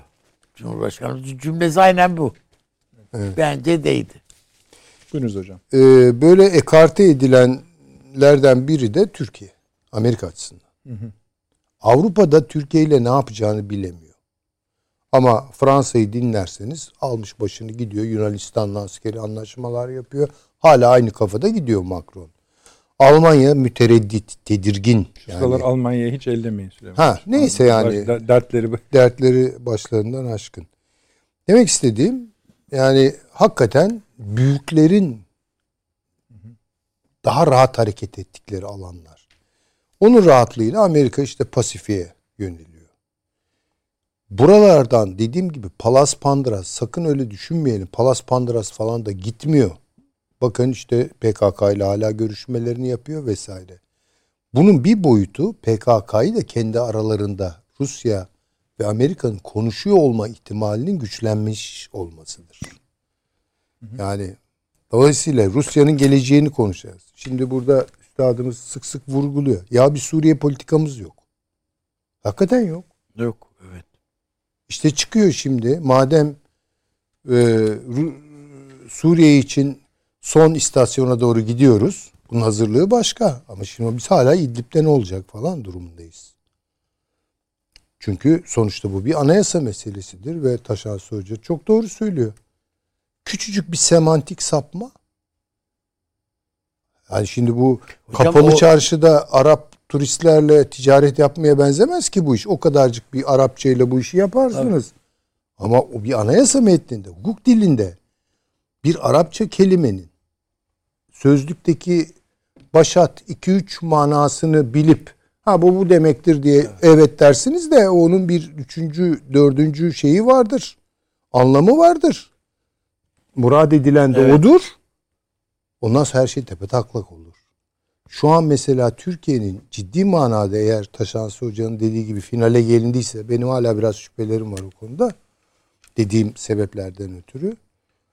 Türkiye'nin e, birinci sınıf Arapça bilen anayasa mühendisleriyle yani öyle kuru anayasacı falan değil. Anayasa mühendisleriyle bu işi göğüslemesi lazım. Orada çünkü çok ciddi, ciddi tereddütler var. Suriye'nin birliği ve bütünlüğü vurgulandı. Tamam. Çok güzel. İyi de o birliğin içi nasıl oluşturulacak? Hocam öyle ki dediğiniz çok doğru. İdlib'deki bu heyet Tahrir-i Şam bile e, biz bağımsız devlet olmak istiyoruz diyor.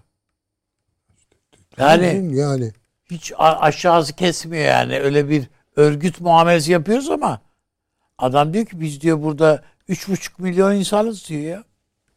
Bizden Ya- daha iyi devlet olacak hak eden mi var diyor. Evet şimdi bir de şöyle bir açmazın içindeyiz. Bunu lütfen görelim. 4 milyon insan değil mi? İd- İdlib'de Öyle. bazıları 5 diyor. Ne bilmiyorum. Neyse. Ee, bunun içerisinde tepeden tırnağa silahlı veya görünüşte silahsız ama evinde tam donanıma sahip e, bir 70-80 bin kişinin olduğu söyleniyor. Tabii. Kim daha, saydı? Onu- Daha fazla. daha bile fazla. Ve üstelik bu tek parça değil. Yeknesak bir yapı değil. Bir sürü şeyleri var bunun. Türevleri var falan. Şimdi baktığınız zaman sivil hayatla terör hayatı iç içe geçmiş. Çok kötü bir tablo bu.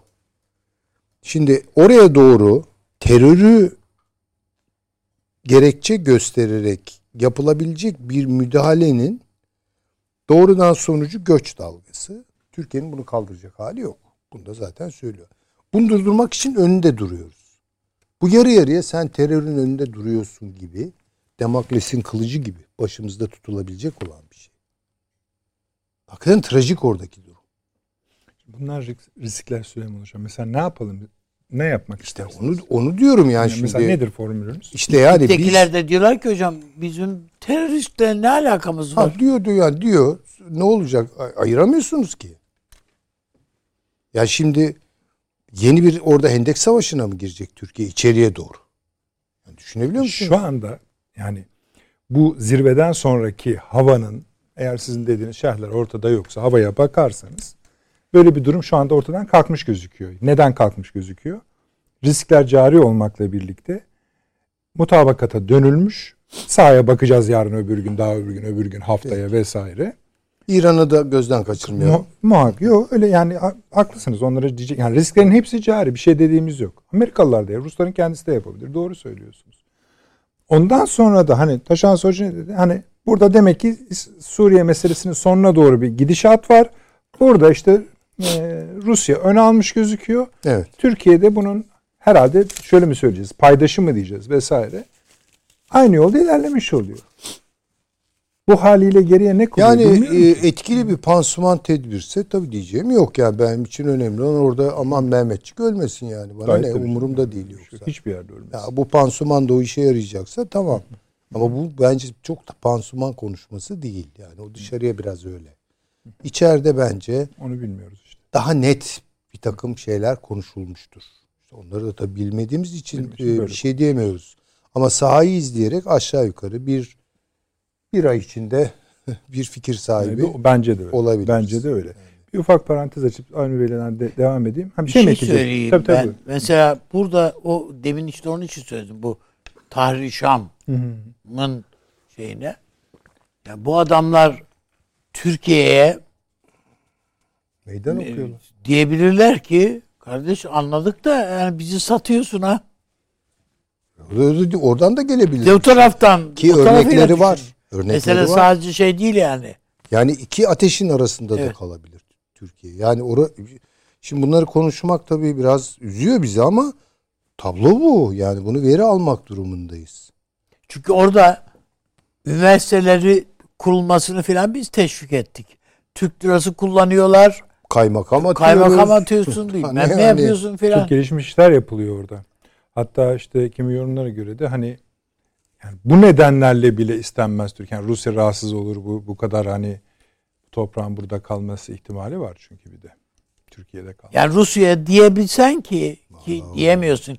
Gel kardeş sen söyle bakalım bunların hangi şu karşındaki hani polisler karşıya dizerler ya suçluyu te- teşhis için. Sen bir gel bakayım da şu kim burada terörist bir iş söyle bana desen. Peki. Ama Rusya da bir baskı altında. İran ve Şam'ın baskısı altında. Yani sadece biz baskı altında değil. Yani İsrail'in de Putin baskısı de altında. Evet. İsrail'in de baskısı var.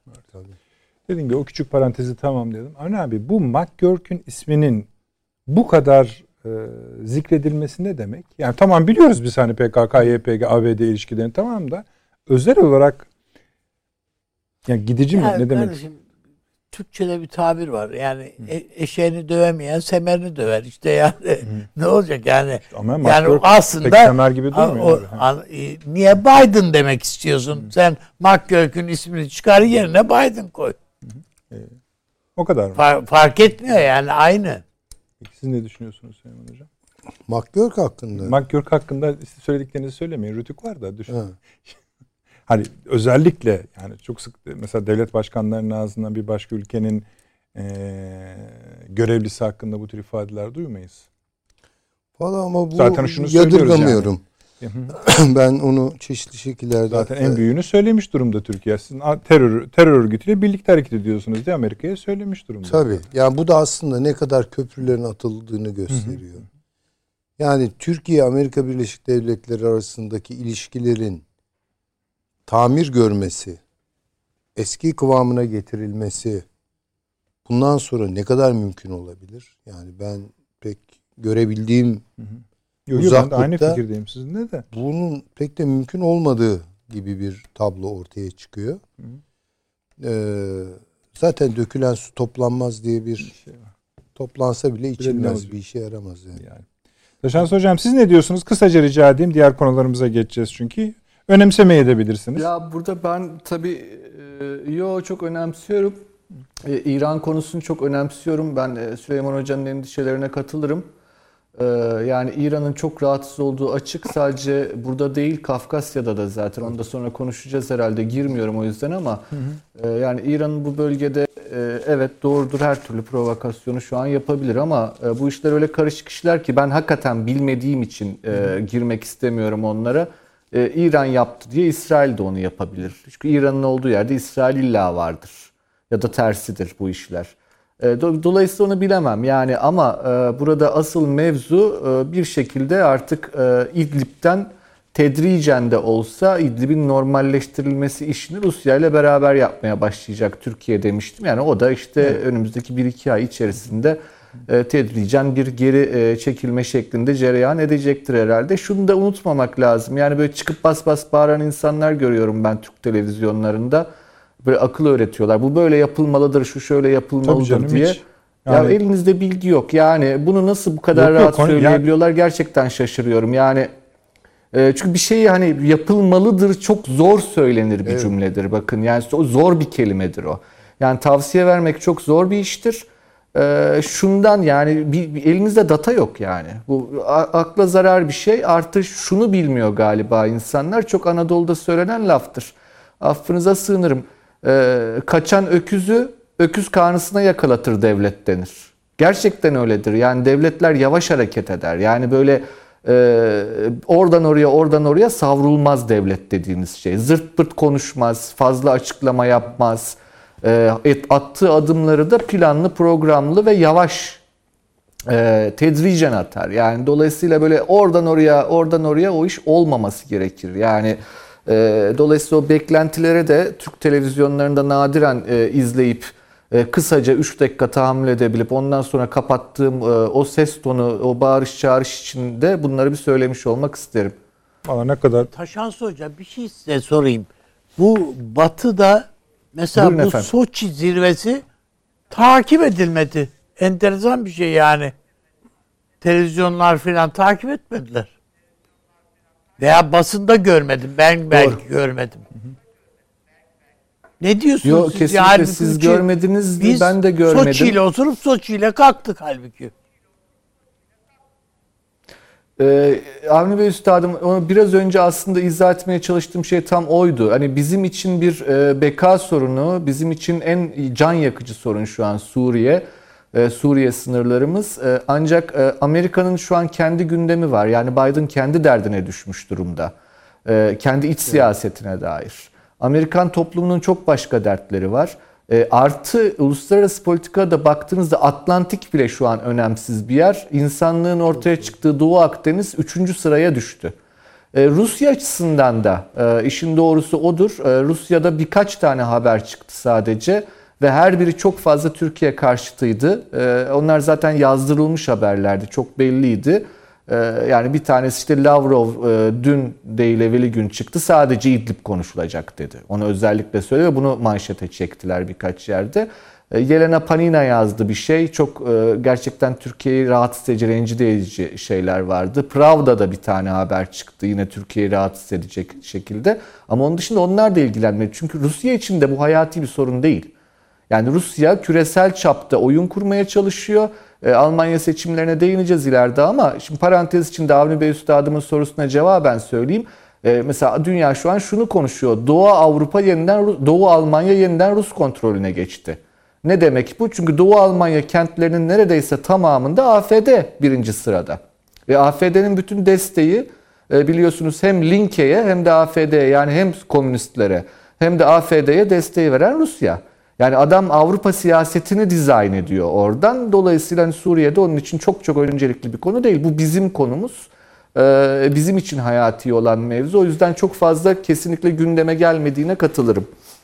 Taşansı Hocam, Amerika Birleşik Devletleri'nin Suriye'den çekilmesi Türkiye'nin Suriye'den daha sonra çekilmesini kolaylaştırır mı siyasete?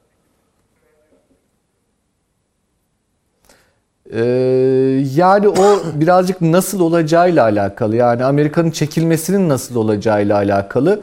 Ee, silah ve mühimmatı belli ki PYD'ye bırakarak çekiliyor zaten. Yani onları toplama şansı yok. Hani bize verilen sözdü hatırlayacaksınız 2017'de. Biz tek tek sayarak veriyoruz sonra onları geri alacağız işte yenince falan diye. Ee, bunlar böyle laflar ederler, sözler verirler. Ee, bu kaçınılmaz bir şey. Yalan söyler diplomatlar. Yani işleri odur yeri geldiği zaman. Ama orada inanmamayı e, ve onun yalan olabileceğini bilme erdemi, feraseti de e, sizin kendi diplomatlarınızdadır. Yani 2011 yılında ben 6 ayda bu işi çözerim diyorsanız verilen hangi söze güvendiyseniz demek ki kusura bakmayın siz dünyayı hiç tanımıyorsunuz. Dünyayı tanımadığınız gibi Arap sokağını da tanımıyorsunuz.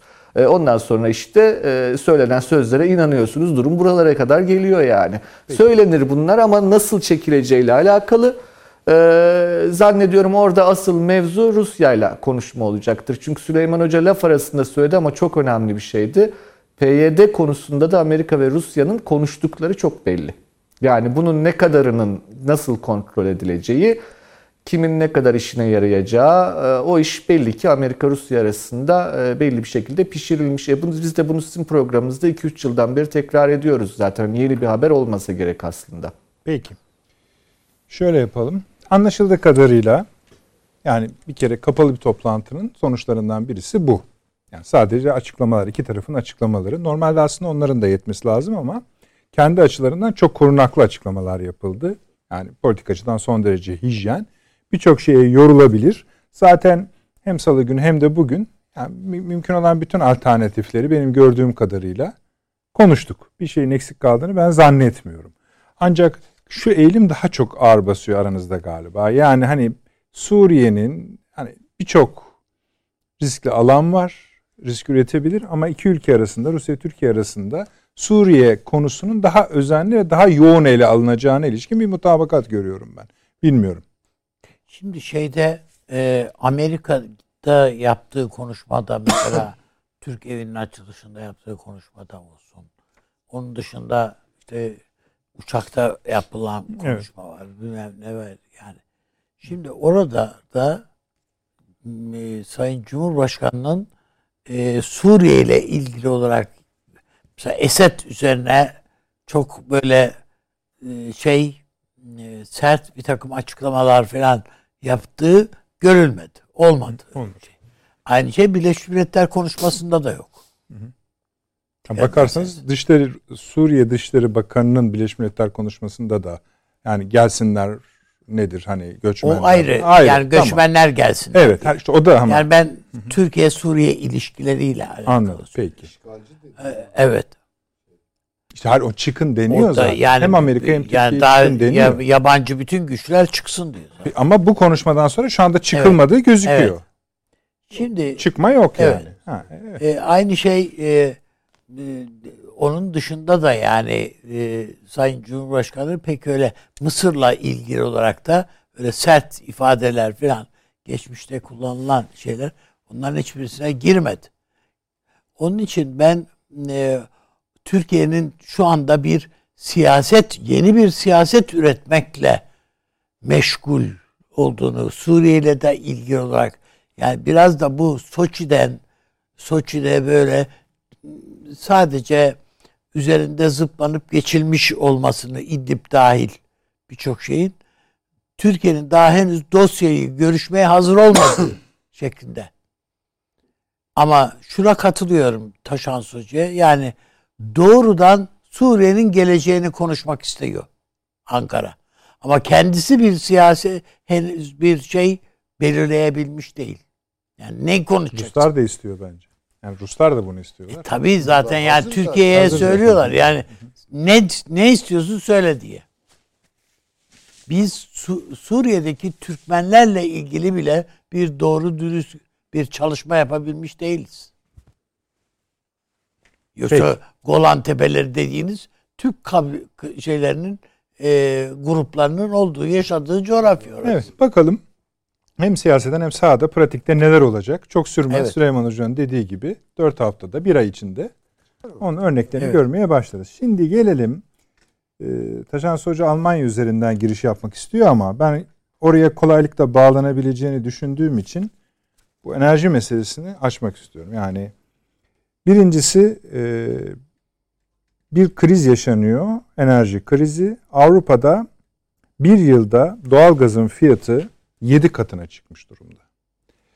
Yani rakama vurursak da 12 avrodan 85 avroya fırlayan bir rakam var. Ee, bu sadece işte bu Kuzey Akım 2 üzerinden konuşuluyor, Brexit üzerinden konuşuyor. İngiltere örneğini de vereceğim ama mesela kömür fiyatları da öyle. E şimdi kömür kullanımı vesaire diyeceksiniz. Ona hem talep atmış durumda normal olarak Geriye daha çok evet ya. geriye dönüşler var. Yani iklim şartına falan hiç gitmiyorum bile. Yani kömür o demek çünkü. Yüzde 265 artmış şeyin fiyatı. Kömürün fiyatı 200 dolar. İngiltere'de 212 dolar seviyesinde. Tonu. Yine İngiltere'den benzin meselesi. Şu anda yani e, Londra rezervleri ve filolar halinde rezerv filolarını İngiltere'nin tamamına çıkarmış durumda. Yani nerede eksik varsa oraya götürüp benzin vermeye çalışıyor. Buraya nasıl geldi o da ayrı bir konu. Diyorlar ki hani bir huzursuz yani orada mesela yaşayan dostlar var onların söyledikleri var. Yani diyor evet benzin sorun sıraya giriyoruz büyük olaylar gözükmüyor ama huzursuzluğu hissedebiliyoruz diyor. Hükümete sorarsanız da bundan sonra ordu düzenleyecek bunları diyor. Silahlı kuvvetler düzenleyecek diyor. E şimdi Süleyman Hocam Büyük Britanya bu dışarıdaki işlere bakın, içerideki işlere bakın. İskoçya demedik daha. Kuzey Akım 2 demedik, Brexit demedik. Ha Avni Bey de bir sohbette demişti. Ya valla bu tır işine mır işine benzemiyor. İşte Brexit nedeniyle tırların bazıları girebilmem ne şu bu falan uzun bir hikaye. Yani bu olacak iş değil. Sizden başlayalım arzu ederseniz. Yani e, ben bu enerji e, krizlerini, bunalımlarını her zaman çok iktisadi arka planıyla göremiyorum. Yani iktisadi arka plan derken işte arz talep dengesizliği vesaire. İşte fiyat oynamaları yükselmesi fiyatların derken işte tedarik zincirlerinde belli bozulmalar vesaire. Mesela 73 petrol krizi hakkında çok şey konuşuldu. Ne kitaplar ne kitap. Ne kitaplar ve yani sonuçta bu biraz da galiba çıkarıldı. Üretildi yani böyle bir kriz. Kriz üretildi. Kriz üretildi.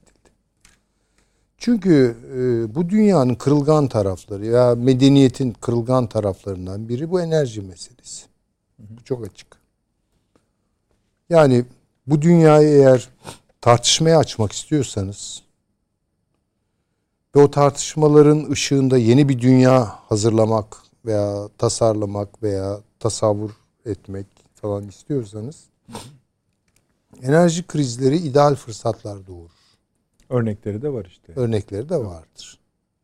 Şimdi bu krizin gerçek sebepleri hakkında bir şey söyleyemeyeceğim. Yani çünkü çok yeni hatta anlayamadık bile yani nasıl oldu birdenbire. Ama burada çok açık ki e, belli hedefler var. Şimdi İngiltere çok ön plana çıkıyor. İngiltere'nin işte petrolü var. Yani Manş Denizi'nde biliyorsunuz buldular bu adamlar. Üstelik bunların birçoğunu mühürlediler. Yani yarın kara günlerde lazım olur gibi. Ya yanlış hatırlamıyorum. Brent petrol denmesinin sebebi, Sebebi zaten o. tabii tabii. Ama doğalgaz meselesi evet burada bir problem var. Ee, Almanya'nın durumu ne? O- o- o- Almanya'dan pek o- ses çıkmıyor. Yani böyle konuşuyorlar tabii de yani dramatik olarak bu mesele anlatılmak isteniyorsa İngiltere daha çok ön plana getiriliyor. Fransa benzer durumda falan. Şimdi bunu nasıl değerlendirmeliyiz? Ya burada gerçekten hedef varsa kim? Yani bunlar tabii biraz komplo e, teorilerine götürür bizi. Ama bildiğim kadarıyla yeni enerji kaynakları olarak tarif edilen işte yeşil enerji, tabiata karşı saygılı enerji gibi yeni kaynaklara oynayan güçler, sermaye grupları, yatırımcılar vesaire. Bunlar böyle bir e, krizi bir fırsat olarak göreceklerdir. Meğer ki bizzat o krizi kendileri yaratmamış olsun. Değil mi? Yani eğer o krizi kendileri yarattıysa zaten bellidir. Tutun ki onlarla hiç ilgili değil bu kendiliğinden veya başka sebeplerden dolayı o kriz çıktı. Bu da bir fırsat olarak sunulacaktır. Kendi görüşlerine göre. Ama dünyanın enerji kaynaklarını değiştirmesi bugünden yarına iki tane anlaşma imzalayarak Paris'miş, iklim anlaşması bunlarla mümkün değil. Enerji değişimlerinin tarihine baktığınız zaman her birinde ödenen çok ağır bedeller var. Yani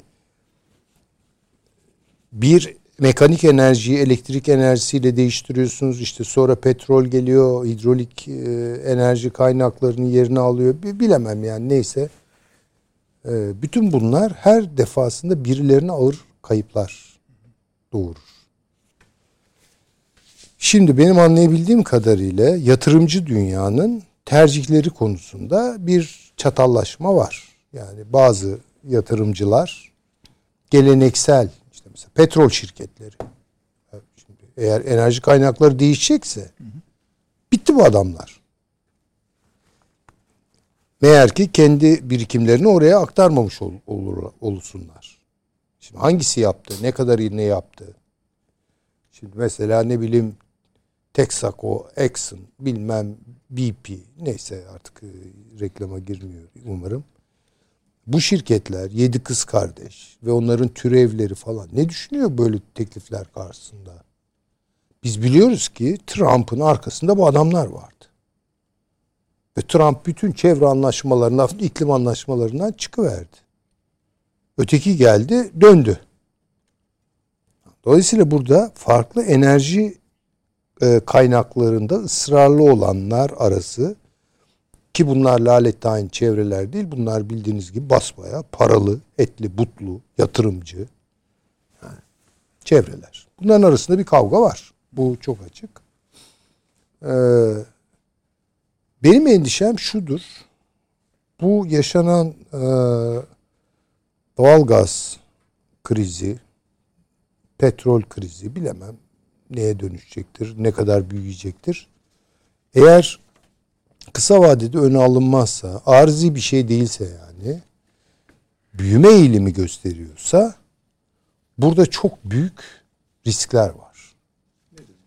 En büyük riskler, risklerden bir tanesi bu işin savaşla bitmesi. Yani bunu gözü kapalı söyleyebiliriz. Yani enerji kavgaları savaşla bitmiştir. Çünkü bunda istisnası yoktur.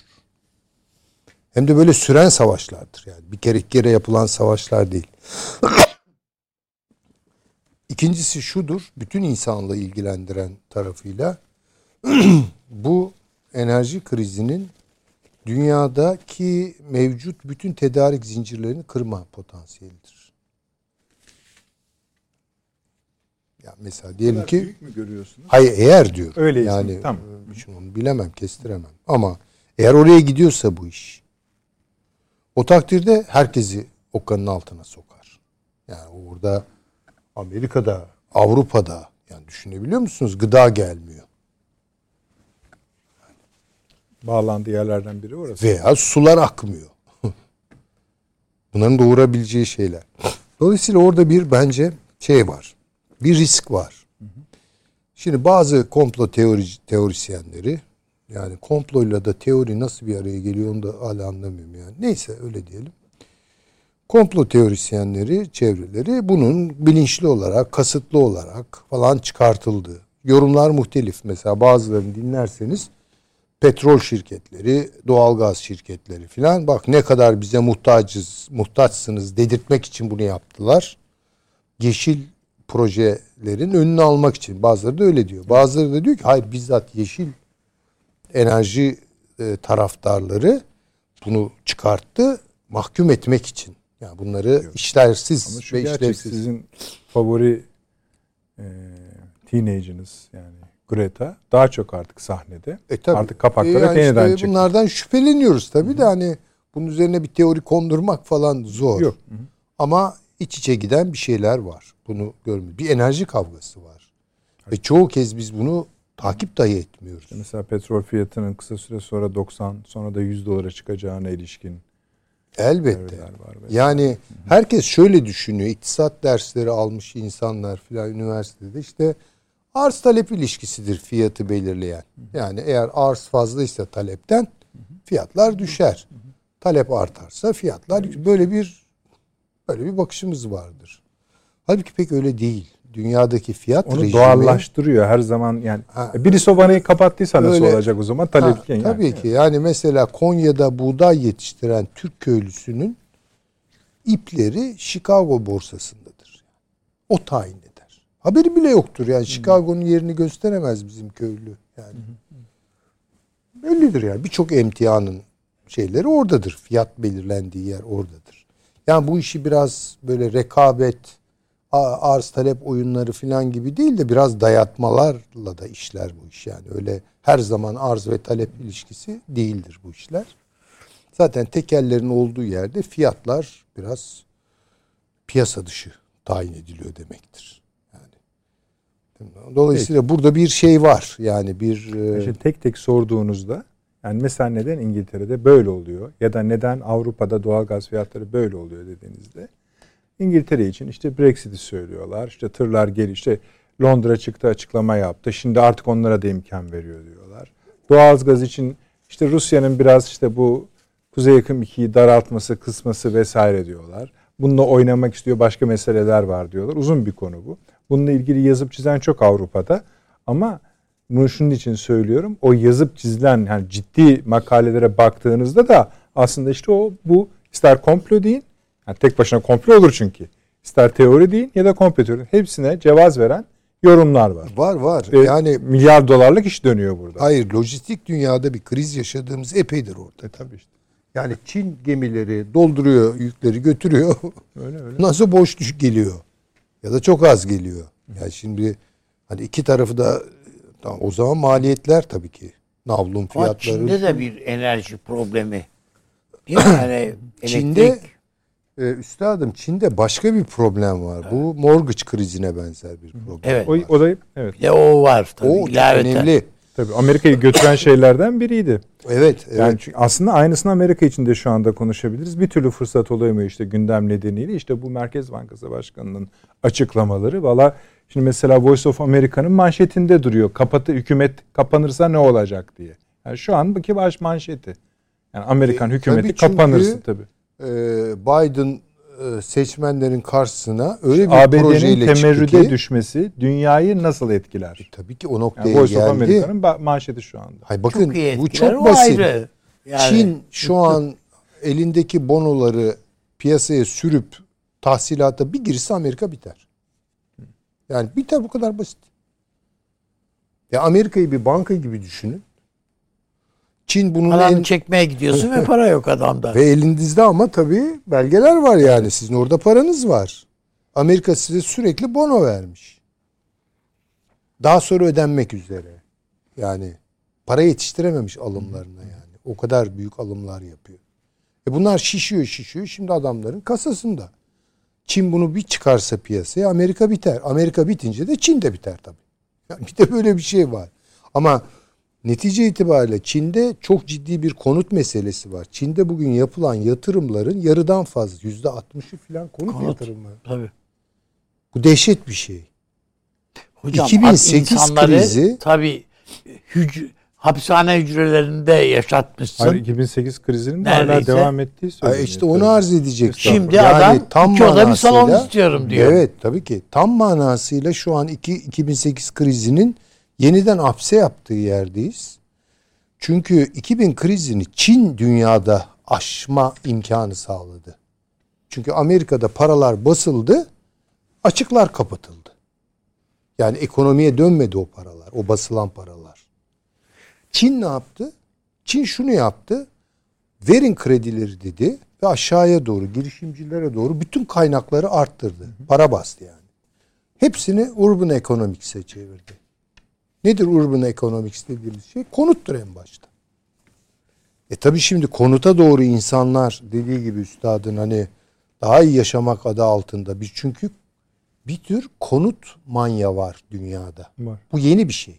Yani bu, bu çok yeni bir şey. Eskiden Güvenlik o kadar önemli. Ha, bu biraz Amerikan ideolojisinde pompaladığı bir şey. Bu Kanada'da var, bu Çin'de. Şimdi dolayısıyla oraya doğru yat- müthiş tabii ekonomiyi canlandırdılar. Tabii. Yani Avustralya'dan maden aldılar, Şili'den bakır aldılar, bilmem ne böyle bütün dünya birden kendine geldi. Kendine geldi ama bu dediğim gibi palyatif bir tedbir. Şimdi 2008'den 2018'e 10 sene sonra Çin'de bunların acısı çıkıyor. Çünkü o daireleri neyle satacak? Krediyle satacak ve borçlu yapacak insanları. Borcunu ödeyemeyenler, göze alamayanlar. E Çin'de şu an 5 daireden biri satılmıyor konut stokları Kanada'da da var. Avustralya'da da var. Yeni Zelanda'da da var. Yani dehşet. Türkiye'de de var muhakkak. Hani bize diyorlar ya Türkiye şeye gömdü. Bütün her şeyi betona E, tabii. gömdü. O dünya gömdü zaten betona. Türkiye'nin işi değil ki o sadece. Çin'de yüzde altmışı yatırımların konuta. Şimdi hal böyleyken Çin'de bir şeyler gidiyor, aksıyor. Yani o ayrıca konuşulabilir. Bir de böyle bir enerji meselesi Yok var. ama işte şimdi hepsi yani Çin diye düşünmeyin onu da şöyle. Yani düşünün de Çin artı Amerika artı bu. Yani bu, onu diyorum bu yani. büyük dünya riski. Herkes şuna kilitlen. Tabii biz de mecburen günlük gelişmeler o kadar tırmanıyor ki yani ya bir esas meseleleri konuşamaz hale gelebiliyoruz. Yani işte Amerika ne yaptı, Rusya ne yaptı, İdlib'de ne oldu falan. Ya hasta bir Amerika var karşımızda. Hasta bir Avrupa var. Hasta bir Çin, gittikçe daha hastalıklı bir Çin var. Hasta bir Rusya var. Yani şimdi baktığınız zaman bir yaygın yani bu sadece pandemi, korona morona değil ki ekonomiler hasta. Müsaade eder misiniz? Buyurun. Moody's bir kriz nedeniyle Amerika üzerinde bir çalışma yapmış. Bu çalışma ABD ekonomisi gerileme sürecine girer ise sadece gayri safi milli hasılada yüzde dört oranında gerileme gerçekleştiğinde 15 trilyon dolarlık hane halkı varlığı yok olacak diye. Şimdi bu bu haliyle yani zaten Amerika'nın durumu bu ki Amerika'yı götürür. İşte Amerika'yı götürür. Zaten dediğim gibi yani Amerika'nın 1970'lerden itibaren bakın İngiliz ekonomisinin verimliliği gerek sermaye verimliliği gerek emek verimliliği rakamları 1870'te düşüşe geçer.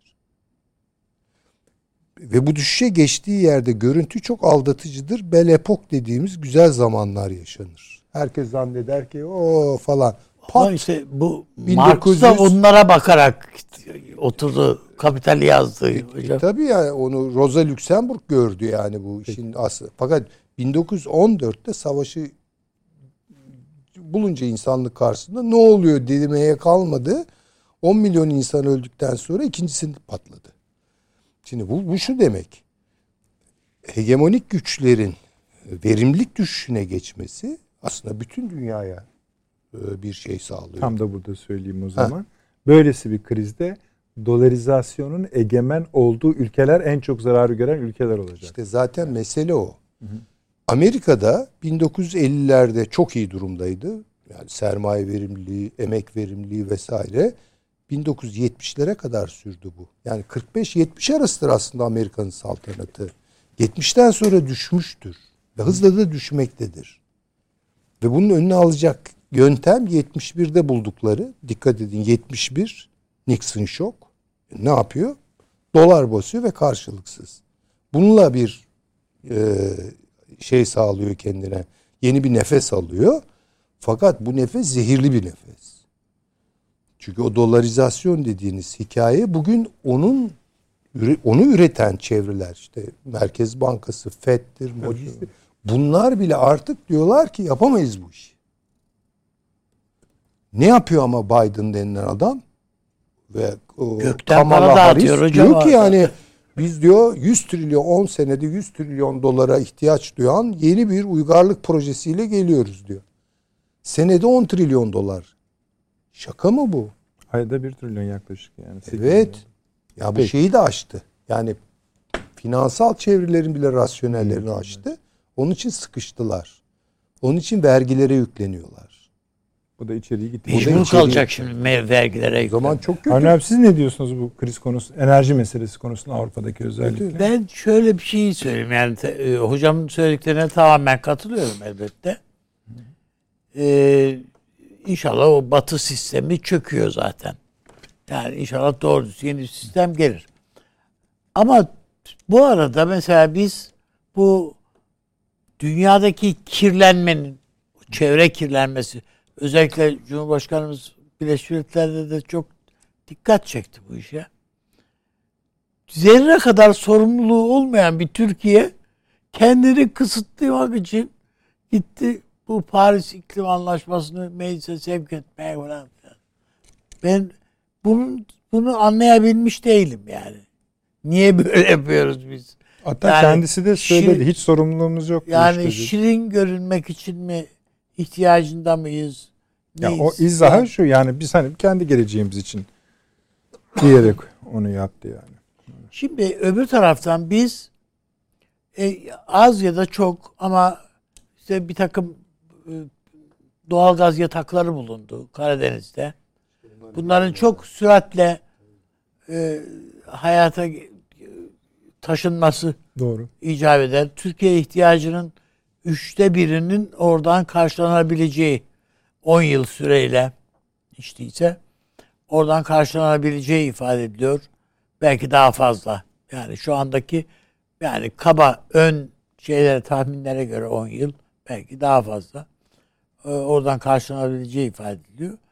Ee, şimdi üçte biri Türkiye'nin ihtiyacının üçte biri demek az buz bir şey değil.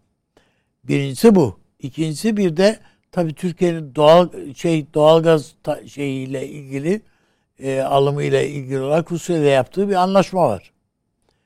E, bu neredeyse uluslararası piyasanın e, üçte biri fiyatına yapılmış bir anlaşma idi. A- Bitiyor. Evet. Ama Rusya'nın e, özellikle Türkiye üzerinden dağıtım şebekesini de şey yapacağımıza göre belki anlaşmayı yenileme şansımız da var. Dolayısıyla burada bir avantaj yakalayabiliriz. Ama bu avantaj bu bunu gerçek manada bir avantaj haline getirmek tabii Türkiye'de uygulanacak olan siyasetle de alakalı. Ee, işte bütün dünyaya Avrupa'ya buradan gidecek yani doğalgaz demektir o. Ee, onun için ben Türkiye'nin en fazla e, bir de tabii nükleer santral bu senenin önümüzdeki senenin sonunda e, ilk ünitesinden başlayarak devreye giriyor. Ee, yeni bir nükleer santral daha filan deniliyor. Bu ne kadar doğru bu nükleer santrallar yani habire Rusya'ya nükleer santral yaptırmak belki çeşitlemek daha isabetli olabilir yani bunları bilmiyoruz. Yani nükleer santralleri mi yoksa yaptırdığınız ülkeyi mi? Yaptırdığınız ülkeyi Peki. demek istiyorum. Yani nükleer santral yaptırabilirsiniz. Yani enerji Tabii, tabii. ihtiyacı olan ülkesiniz. Mecbur. İşte HES santrallarını yapıyoruz. Çevrede e, şeyleri var, zorlukları Var. Çok e, e, ortaya çıkardığı zorluklar var. Memnuniyetsizlikler var filan. E bunları da mecbursun yani bu su kaynaklarını da değerlendirmek durumundayız. Ben nasıl böyle doğal gaz veya e, e, şeyleri ortaya çıkacak diye düşünülüyor idiyse çok yakında Türkiye'de dahil olmak üzere birçok ülkede su krizleri başlıyor Tabii o gelecek. burnumuzun dibinde. Yani ben mesela çok belki de öne yani e, geciktik bu konuda diye düşünüyorum. E, deniz yani tuzlu sudan yani denizlerden e, hiç değilse e, tarımda diyelim. evet e, kullanılmak üzere tatlı su üretme. Yani Den- Deniz kuvvetlerimiz yatırımlarının- için. Yatırımlarına başlamak Evet. gerektiğini düşünüyorum. Peki. Yani bunlara filan bakmak lazım. Bu tür işlere. Yani e, mesela Avrupa'da bakıyorlar artık bahçelerde çimen yok diyor adam. Hayır ekmeğin kardeşim. Bu bunları sulamaya şey su yok artık diyor. Ve hatta öyle bir fiyat koyuyor ki buna sen onu katlanamıyorsun filan. Yani bütün bunların ra dayalı belediyeleri bir hizaya getirilmesi lazım. Bizim bütün belediyeler çiçek ve çim çimer ekmekle meşguller yani filan. Ee, öbür taraftan yani bunlara biraz daha fazla bakmamız gerektiğini düşünüyorum. Tabii inşallah bu Amerika Birleşik Devletleri bu sizin söylediğiniz tabii bize de yansıması mutlaka olacaktır bunun ama yani bu berbat tablonun içerisinde hiç değilse e, bunlar da e, o krizin içerisine girebilirler yani. Çok bu ciddi. Merkez Bankası rezervlerinin nasıl kriz haline dönüştürüldüğünü gördünüz. Yani şimdi de işte mesela yükseliyor. Şu anda da 122 milyar dolar seviyesine gelmiş ama bir kısmı altında mıydı? Yani mesela o hangisi daha iyiydi bilmiyoruz ama öyle bir kaosa döndürüldü ki iş devlet dolar alma yani dolar alma yani siyaseten dolar olmak zorunda kalmış gibi oldu. Neyse o konuları çok bilmiyoruz Evet, ama o- altın meselesinin önemini biliyoruz. Ama şöyle bir şey var. Yani e, doları dünya rezerv rezerv parası haline getirdiğiniz takdirde ödemeler zaten Tabii bu- bununla. bu- Yani bu- evet. şu an dünyanın bütün ödemelerinin yüzde yetmişinden fazlası dolarla. Kalanı işte Sadece. avro e, yani Türk parası değil, İran bilmem riyali şey bilmem nesi değil. Ya biraz yuan, işte biraz yen bölgeleri var filan. Şimdi böyle bir durumda yani doları rezerv para haline getirdiğin zaman dolar daima bir ihtiyaçtır. Şimdi insanlar şunu düşünüyorlar. Ya dolar yükseliyor. Dolar değer kazandığı için yükselmiyor. Dolar ihtiyaca binaen. Yani çünkü ödemeler Talep yapacaksınız. Yani Hocam bu ödeme eroin yani bu alışkanlığı gibi, gibi bir şey bu. yani sıcak paraya ihtiyacınız var ve dolar ihracatçısınız bilmem ne. Onu bir uzmanı bir katarak talep. aramıza konuşalım biraz. Bakın bu Böyle konuda ben söylüyorum Türkiye'de en hatırı sayılır uzmanlardan biri bize de konuk oldu. Erkan Öz'dür. Erkan, Erkan. Öz bunları gayet sistematik, gerçek sebepleriyle anlatıyor. evet. gayet güzel anlatıyor. Katarız yine Yani bir, ona bir tekrar ihtiyacı çok- hasıl oluyor. Hatta bir tane de enerji uzmanımız olsun. Ara sıra bize destek Ee, versin. Bir mesela biraz da bu çevreci makul tabii ideolojik anlamda değil de Yoldan çıkmamış yani yoldan çıkmamış mesela tema falan bunlar biraz derli toplu insanlardır. Onları da dinlemek lazım. Tabii hay hay. Bakalım. Evet. Şimdi Taşansı Hocam sizden ricam şu. Bu konu Avrupa üzerinde daha parladığı için bu demin bahsettiğiniz Almanya seçimlerinden sonra ortaya çıkan tablo var ya onunla da birleştirmeniz. Ee, bu demin dediğiniz hani Doğu Almanya ifadesi sadece seçimlerle ortaya çıkmış bir şey midir yoksa onun öncesinden gelen bir süreç de var biliyorsunuz. İşte bu PESCO'da konuşursunuz. Fransa'nın öne çıkmaya başladığı Avrupa'nın özelleşmesi meselesini de konuşursunuz. İşte bu enerji krizlerinin üst üste ve çeşitlenerek yani doğal benzin yoktur anlarız. Arkasından dola, doğal gazdır, elektriktir vesaire bir şeyler. Biraz önce de Avni abi 2-3 dakika önce de EPDK açıklama yaptı. Ekim'de elektrik fiyatlarında bir şey değişiklik yok diye. Zam yok yani bizde. Haberin olsun. Taşans Hocam buyurunuz. Nedret Bey ben peşinen bir e, özürle başlamak isterim. Ben e, hiç anlamadığım iki konudan bir tanesi enerjidir, öbürü de bu para pul işleri, ekonomi. E, enerji konusunu en, soru en lazım şeylerden anlamıyorsunuz Taşans Hocam. Valla biraz öyle. Ben kendi bütçemi ayarlayamayan bir insanım ne yazık ki. Ee, onda da biraz hepimiz, hepimiz, bizim fakültede Serdal hocam var, meslektaşım. Hı hı. Ee, çok sevdiğim bir dostumdur. Hatta dün sitem ettim ona. Ya dedim gözünü seveyim yani şunu bir baştan alalım. Bir e, şöyle birazcık beni geliştir. Bak Korkut Hoca'nın sende emeği var. Senin de bende emeğin olsun. Ee, Serdal Hocam'ı göremedim bugün. Dolayısıyla e, kendimi de geliştirme imkanım yoktu ekonomi konusunda. Ama enerji konusunda şunu söylemek isterim. Enerji fiyatlanma, e, fiyatlaması ekonomik dinamiklerle olan bir şey değil. Yani Süleyman Hoca da izah etti onu. Ya bu arz taleple vesaire oluşan bir şey değil. Enerjinin fiyatlanması uluslararası piyasalarda bir e, Cenevre'de ve Zürih'te, e, ikincisi de Londra'da. Yani e, böyle bir sistemdir. Bu son derece spekülatif bir alandır. Spekülatif olduğu için fiyatlama gerçekten hiçbir şekilde anlamlandırılamayan, anlaşılamayacak farklılıklara yol açabilir. O yüzden de Süleyman Hoca'nın da söylediği şey doğrudur. Bütün komplo teorilerine açıktır bu alan. Yani gerçekten öyle yapılıyor da olabilir, böyle yapılıyor da olabilir. İşte Amerika Rusya ile arasını iyi tutmak için Rusya'nın tek ihraç kalemi olan enerjinin fiyatını yükseltiyor derse birisi valla ben hayır diyemem. Yani çünkü hayır diyebilmek için elimde bir malzeme yok. Ya da başka birisi yeşil enerjinin önünün açılması için bu yapılıyor derse hayır diyemem. E, yahut başka birisi e, Trumpçı petrol şeyleri, e, lordları bu işi yapıyor derse ona da hayır diyemem. Ama sonuçlarına baktığımda şunu görüyorum. Bu işten kazananlardan bir tanesi Rusya. Ee, öbürü e, Abraham anlaşmalarıyla, İbrahim anlaşmalarıyla İsrail'le de normalleşen Orta Doğu. Ee, bunlar kazananlar. Kaybedenlere baktığımızda tüketiciler, Türkiye kaybedenler safında. Bu açık. Almanya kaybedenler safında, Fransa kaybedenler safında ama Almanya'nın çok ciddi bir avantajı olduğunu tespit etmemiz gerekir. Nükleer santrallerini kapatmasına rağmen güneş ve rüzgar enerjisiyle e, elektrik tüketiminin neredeyse %70'ine varan bir oranı yakaladı Almanya. Bu çok ciddi bir başarıdır. Çok ciddi bir yatırım yaptı bu alana. Dolayısıyla daha az etkileneceği açık. E, İngiltere'deki olay pek buna bağlı gibi değil. Orada lojistik sıkıntılar var. E, yani çok tesadüfen üst üste geldi gibi görünüyor. Ama oradaki bir lojistik sıkıntıdır.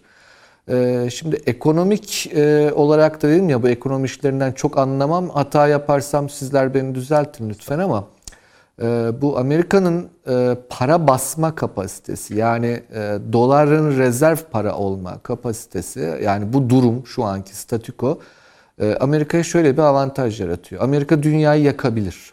Dünyayı yakabilir ne demek? Ee, cari fazla veren ülkelerin e, bir şekilde aslında o fazlalarını kendi ülkesine transfer etme becerisine sahip hala. Dolar basma aracılığıyla. Çin buna ne kadar direnebilir? E, Valla çok direnme ihtimali yok gibi. Çünkü e, Çin zaten doların en büyük şeyi parçası. Yani o kadar birbirlerine muhtaç ki Amerika ve Çin. Yani dolayısıyla orada çok ciddi bir kırılma olması gerekiyor. Çin bunu yapabilecek kapasitede mi?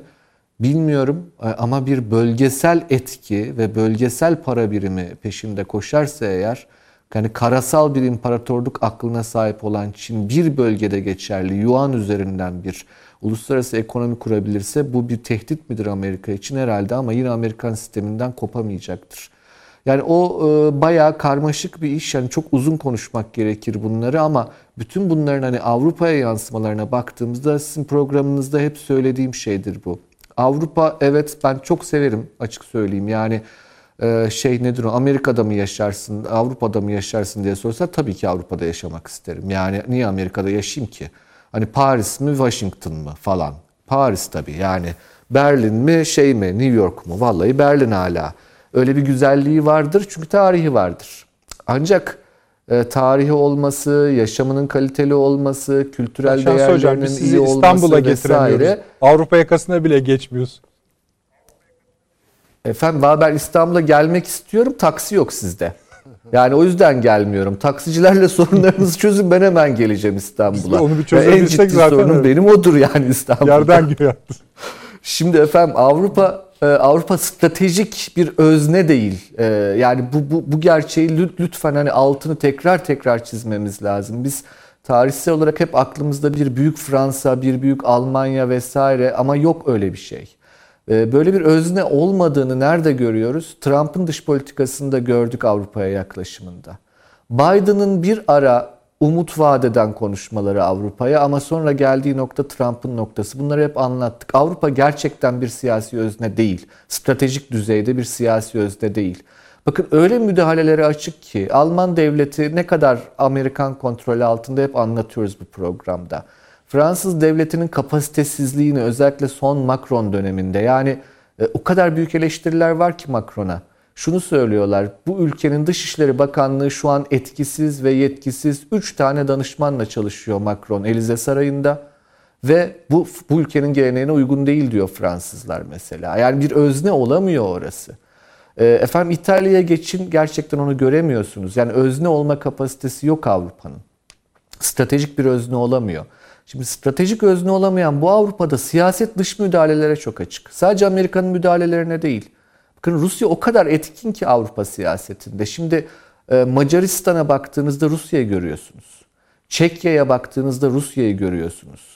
Bunların iç siyaset yani Rusya'nın iç siyaseti yönlendirebildiğini görüyorsunuz. Slovakya'da etkin olduğunu görüyorsunuz. Polonya gibi günde 3 vakit Ruslar geliyor diyen bir ülkede Rusya'nın iç siyaseti yönlendirebildiğini görüyorsunuz.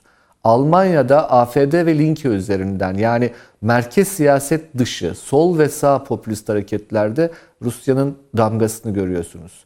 Podemos'ta, Siriza'da görüyorsunuz Rusya'yı. Bakın bunlar çok ilginçtir ama e, İtalya'ya bakıyorsunuz. İtalya'da da Liga Nord'un Rusya ile işbirliği yaptığını görüyorsunuz vesaire. Bakın çok yani bu stratejik özne olamama halidir.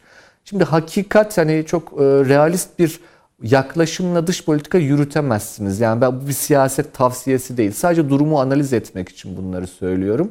E, realist bir düzlemde baktığınızda Avrupa siyasi özne değil. Ama peki nasıl özne olabiliyor buna rağmen? Ne olursa olsun kültürel hegemonya, kültürel etki, belli paternler ve mali güç bunlar tabii ki önemlidir. Ee, ne olursa olsun Avrupa'nın hala kendi çevresinde bir şekilde parasıyla, eski istihbari bağlarıyla, kültürel etkisiyle hala etkili olduğunu söylemek mümkün ama dünyaya bugün baktığımızda temel mevzu e, küresel olanlar. Bakın o da çok bellidir aslında. Birleşmiş Milletler Güvenlik Konseyi daimi üyelerine bakmak kafidir. Efendim Amerika küreseldir. Rusya küresel olma derdindedir. Aklı öyle çalışır. Kapasitesi ne kadar yeter bilemiyorum. Çin kesinlikle küreseldir. Onun da kapasitesi Amerika ile karşılaştırılınca göreceğiz. Önümüzdeki 20 yıl bunu izlemekle geçecek. İngiltere küresel dertleri olan, öyle bir aklı olan ama kapasitesi sıkıntılı bir yerdir. Fransa ise küresel olabilmek için Avrupa'yı yaratmaya çalışmaktadır bugün yeniden. Mevzu bundan ibaret aslında. Oraya baktığımızda o yüzden asıl ekonomik güçlerin bir şekilde Amerika ve Çin olduğunu ve bunu siyasi güçle de birleştirebilen, konsolide edebilen iki tane aktörün bunlar olduğunu söylemek lazım. Çünkü e, Rusya'ya baktığınızda nükleeri vardır, e, efendime söyleyeyim bir paterni vardır, aklı vardır e, ama nüfusu yok. Yani 145 milyon nüfus kafi bir nüfus değil o coğrafyaya. Başka bir şey üretim yok. Yani ekonomi çok kötü durumda. Yani petrol satarak olmuyor bu işler. Fransa'ya baktığınızda ordusu var gibi yok. Ee, ekonomisi gerçekten korkunç durumda. İngiltere aklı var evet doğru, donanma var evet doğru, ekonomi ne durumda tartışmalıdır. Şimdi burada bahsedilen şey Süleyman Hocam aslında söyledi. Çok oraya girmek istemiyorum ama e, çok önemli konu belki de odur asıl konuşulması gereken. Bu kapitalizmin döngüsel krizleri e, gerçekten önemlidir. Ve e, yine yani Süleyman Hoca keşke söylemeseydi diyorum ağzımızdan yel alsın ama bu döngüsel krizler harplerin gerekçeleridir. Hani işte Kondratiyev'den bahsedilir biliyorsunuz iktisat teorisinde, onun kriz teorilerinden. Ee, ya da ne bileyim işte en ortodoks yorumlarda da bunlar vardır zaten.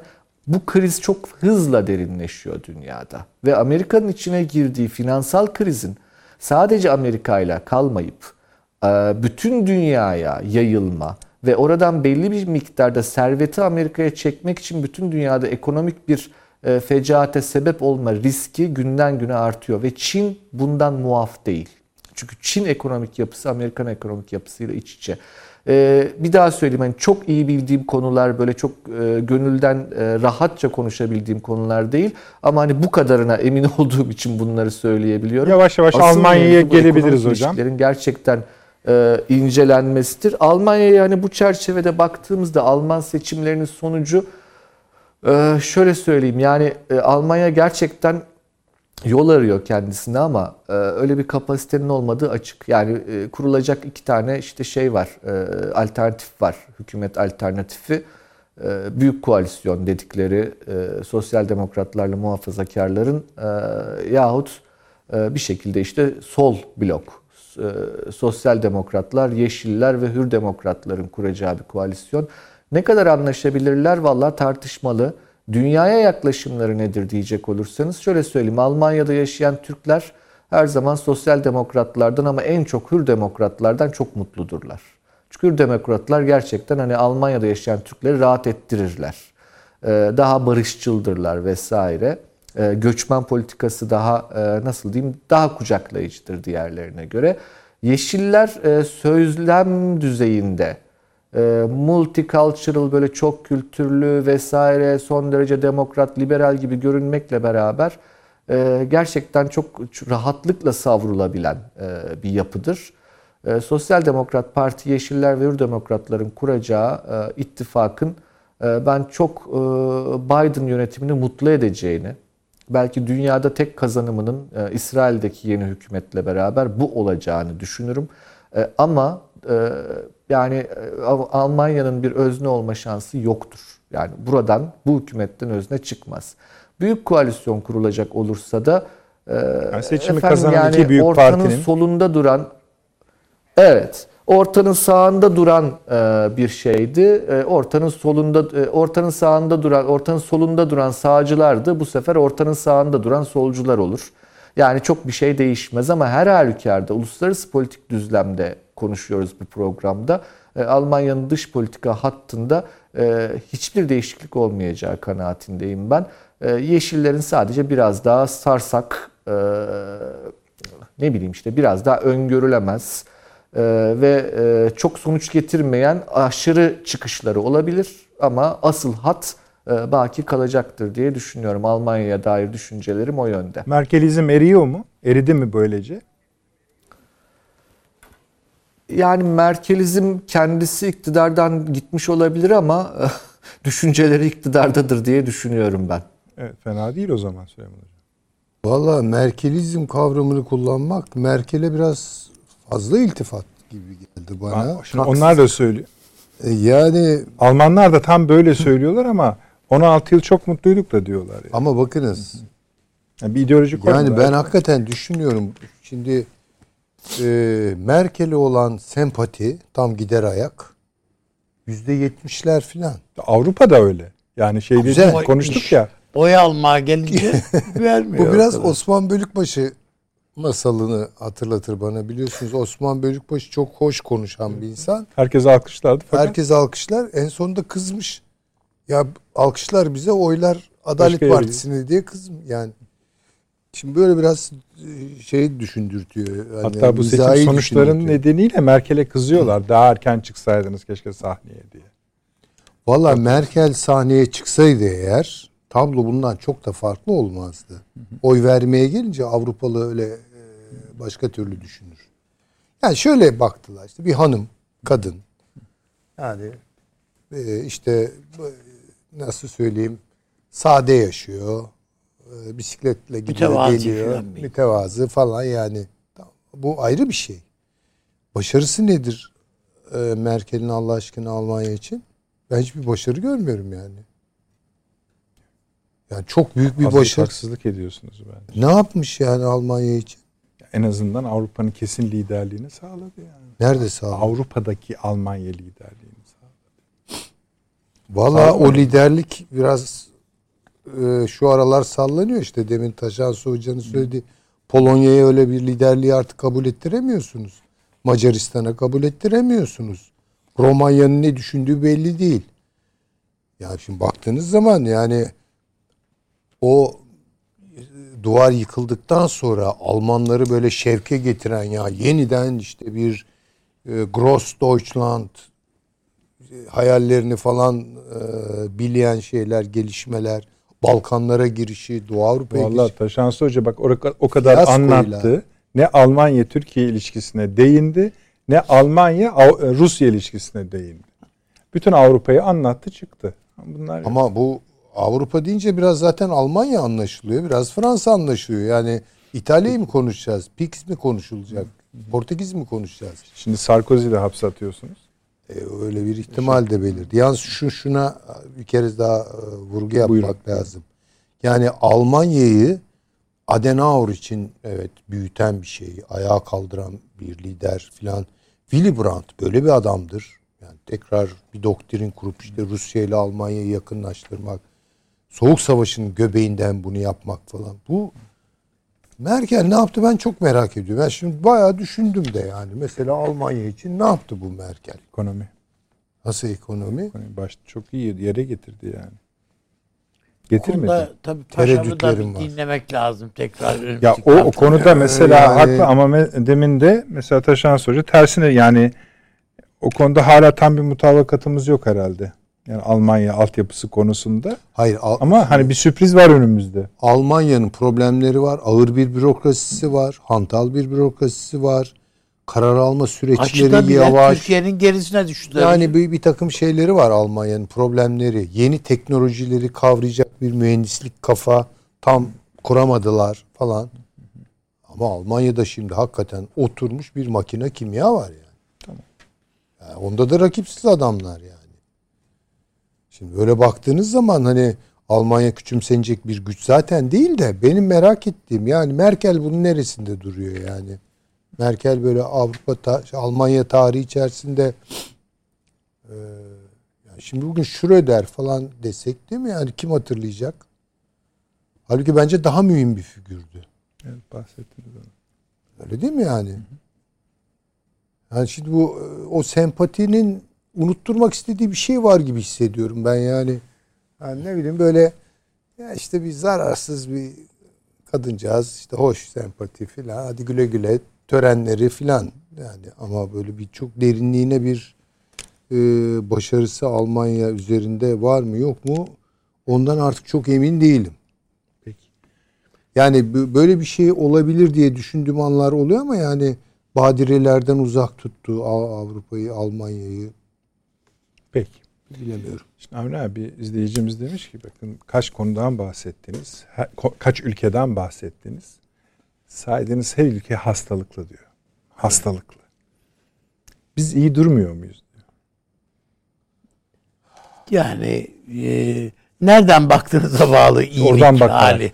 Oradan bakalım. Yani ölçülere bağlı. O yani kendinizi iyi hissediyorsanız iyisiniz demektir iyi o hissediyor yani. musunuz?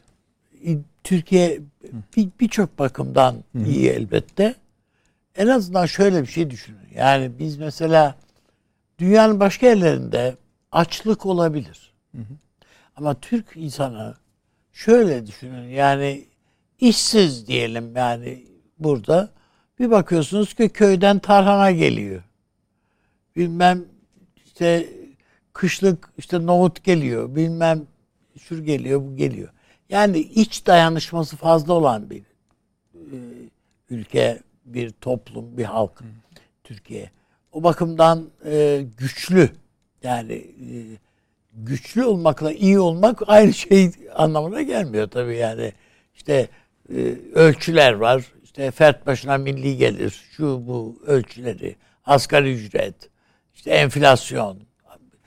İşte ne bileyim e, cari açık. Yani bu tür ölçülere bakarsanız başka bir iyilik tablosu ortaya çıkabilir. Benim dediğim gibi bakarsanız yani bir o mutluluk endeksleri falan var. Yani o tür şeyler. Orada farklı şeyler çıkabilir.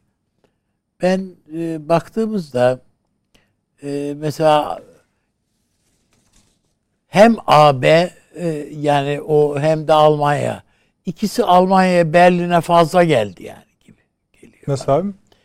Hem Almanya'nın yükü hem de Av- Avrupa Birliği. Bunların hepsinin yükünü Almanya çekiyor. Bu fazla geldi Almanya'ya diye düşünüyorum.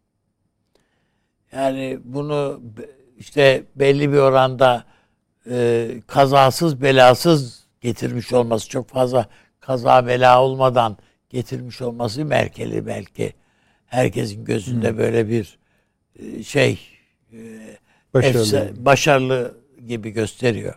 Ama sonuçta hedefi olan yani o Helmut Kohl'ün falan hedeflediği Almanya tablosu da Avrupa Birliği tablosu ortaya çıkarıldı mı? Hayır. Avrupa Birliği üyelerinin e, Almanya dışında hiçbirisi belki hatta Almanya'da dahil hiçbirisi Avrupa Birliği'nden mutlu değil. Yani Romanya değil, Bulgaristan değil, Polonya değil. Hatta bunların bir kısmı Avrupa Birliği'nden acaba bir yan çizsek mi ki? Yunanistan Ta- ne Ta- Almanya nefreti hat Tabii tabii had safhada. Yani bu bu başarılı başarının işareti bu değil. Olmaması gerekir. Nitekim Yunanistan çareyi Al, Amerika Birleşik Devletleri'ne sığınmakta buldu. Gibi. E aynı şey diğerleri için de geçerli. Yani Amerika biz Rusya'yı çevreleyeceğiz dediği vakit bütün Avrupa Birliği ülkeleri biz varız abi diye Amerika'nın eteğine yapıştılar. Dolayısıyla yani e, bir Avrupa Birliği manasında projesi anlamında bir kriz var ortada. Aynı şey işte hep burada konuşuyoruz. Yani Avrupa ordusu kuracağız, kuracağız, kuracağız. Ha kur da görelim. Yok öyle bir şey. Olmuyor. Hatırlıyorsanız Türkiye e, Avrupa bir aman ha diye bu laf ortaya çıktığında Avrupa Birliği üyesi olmasak bile bizi hiç değilse bu ordu şeyinin karargahına alın diye başvurduyduk. Hatırladınız mı? Evet evet. Ha şimdi bu sefer e, Avrupalılar Türkiye'ye bir teklif getirelim diye e, dikkat ederseniz Alman Dışişleri Bakanı filan bir proje hazırladık. Türkiye'ye onu götüreceğiz diye çabalıyorlar. Türkiye eğer gi- girerse böyle bir şeye bana göre son döneminde de yaptığı en büyük hatalardan birini de yapmış olur. Çünkü habire vereceksiniz orada. insan çünkü unsuru. E, Ordu sizden başka kim gider askerliğe? Yani Avrupa ordusunun askeri kim olacak? İtalyanlar mı olacak? Almanlar mı, Fransızlar mı? Hiç. Zinhar mümkün değil. Bu ordula bu ordu Afrika'da Fransa'nın şeyi için, çıkarları için savaşacak mı yani? Mesela. Böyle bir şey olabilir mi? Ha, olmaz. Yani bu, bu, bu, bu projeler Avrupa projesi ham bir proje haline geldi. Aynı şey işte Amerika için geçerli. Yerde sürünüyor. Şu anda. Peki. Ee, ben e, o yüzden e, Almanya'nınki bir rüyaydı kendisi için. Yani onu e, dünya savaşlarında e, silah zoruyla ele geçirdiği coğrafyayı para gücüyle ele geçirmeye kalktı. Bu Avrupa Birliği numarasıyla. Ama olmadı kardeşim çok pahalı. Yani ort işin Peki. gerçeği çok pahalı. Dünyanın neresinde göçmen bir yerlere gidelim diyen varsa nereye gideceksin diye sordukları vakit Almanya diyor adam. Hele hele bu yani Orta Doğu coğrafyasında, Asya şöhret coğrafyasında. yani. Evet. Yani Peki.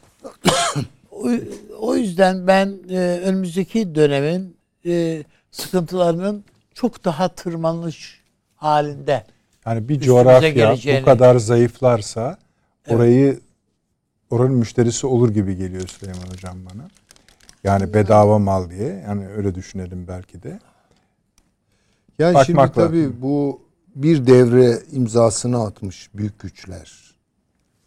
Göreli bir küçülme yaşayabilirler, zayıflama yaşayabilirler. Mesela İngiltere örneğinde olduğu gibi. Ama İngiltere hala bir İngiltere'dir. Evet, tabii.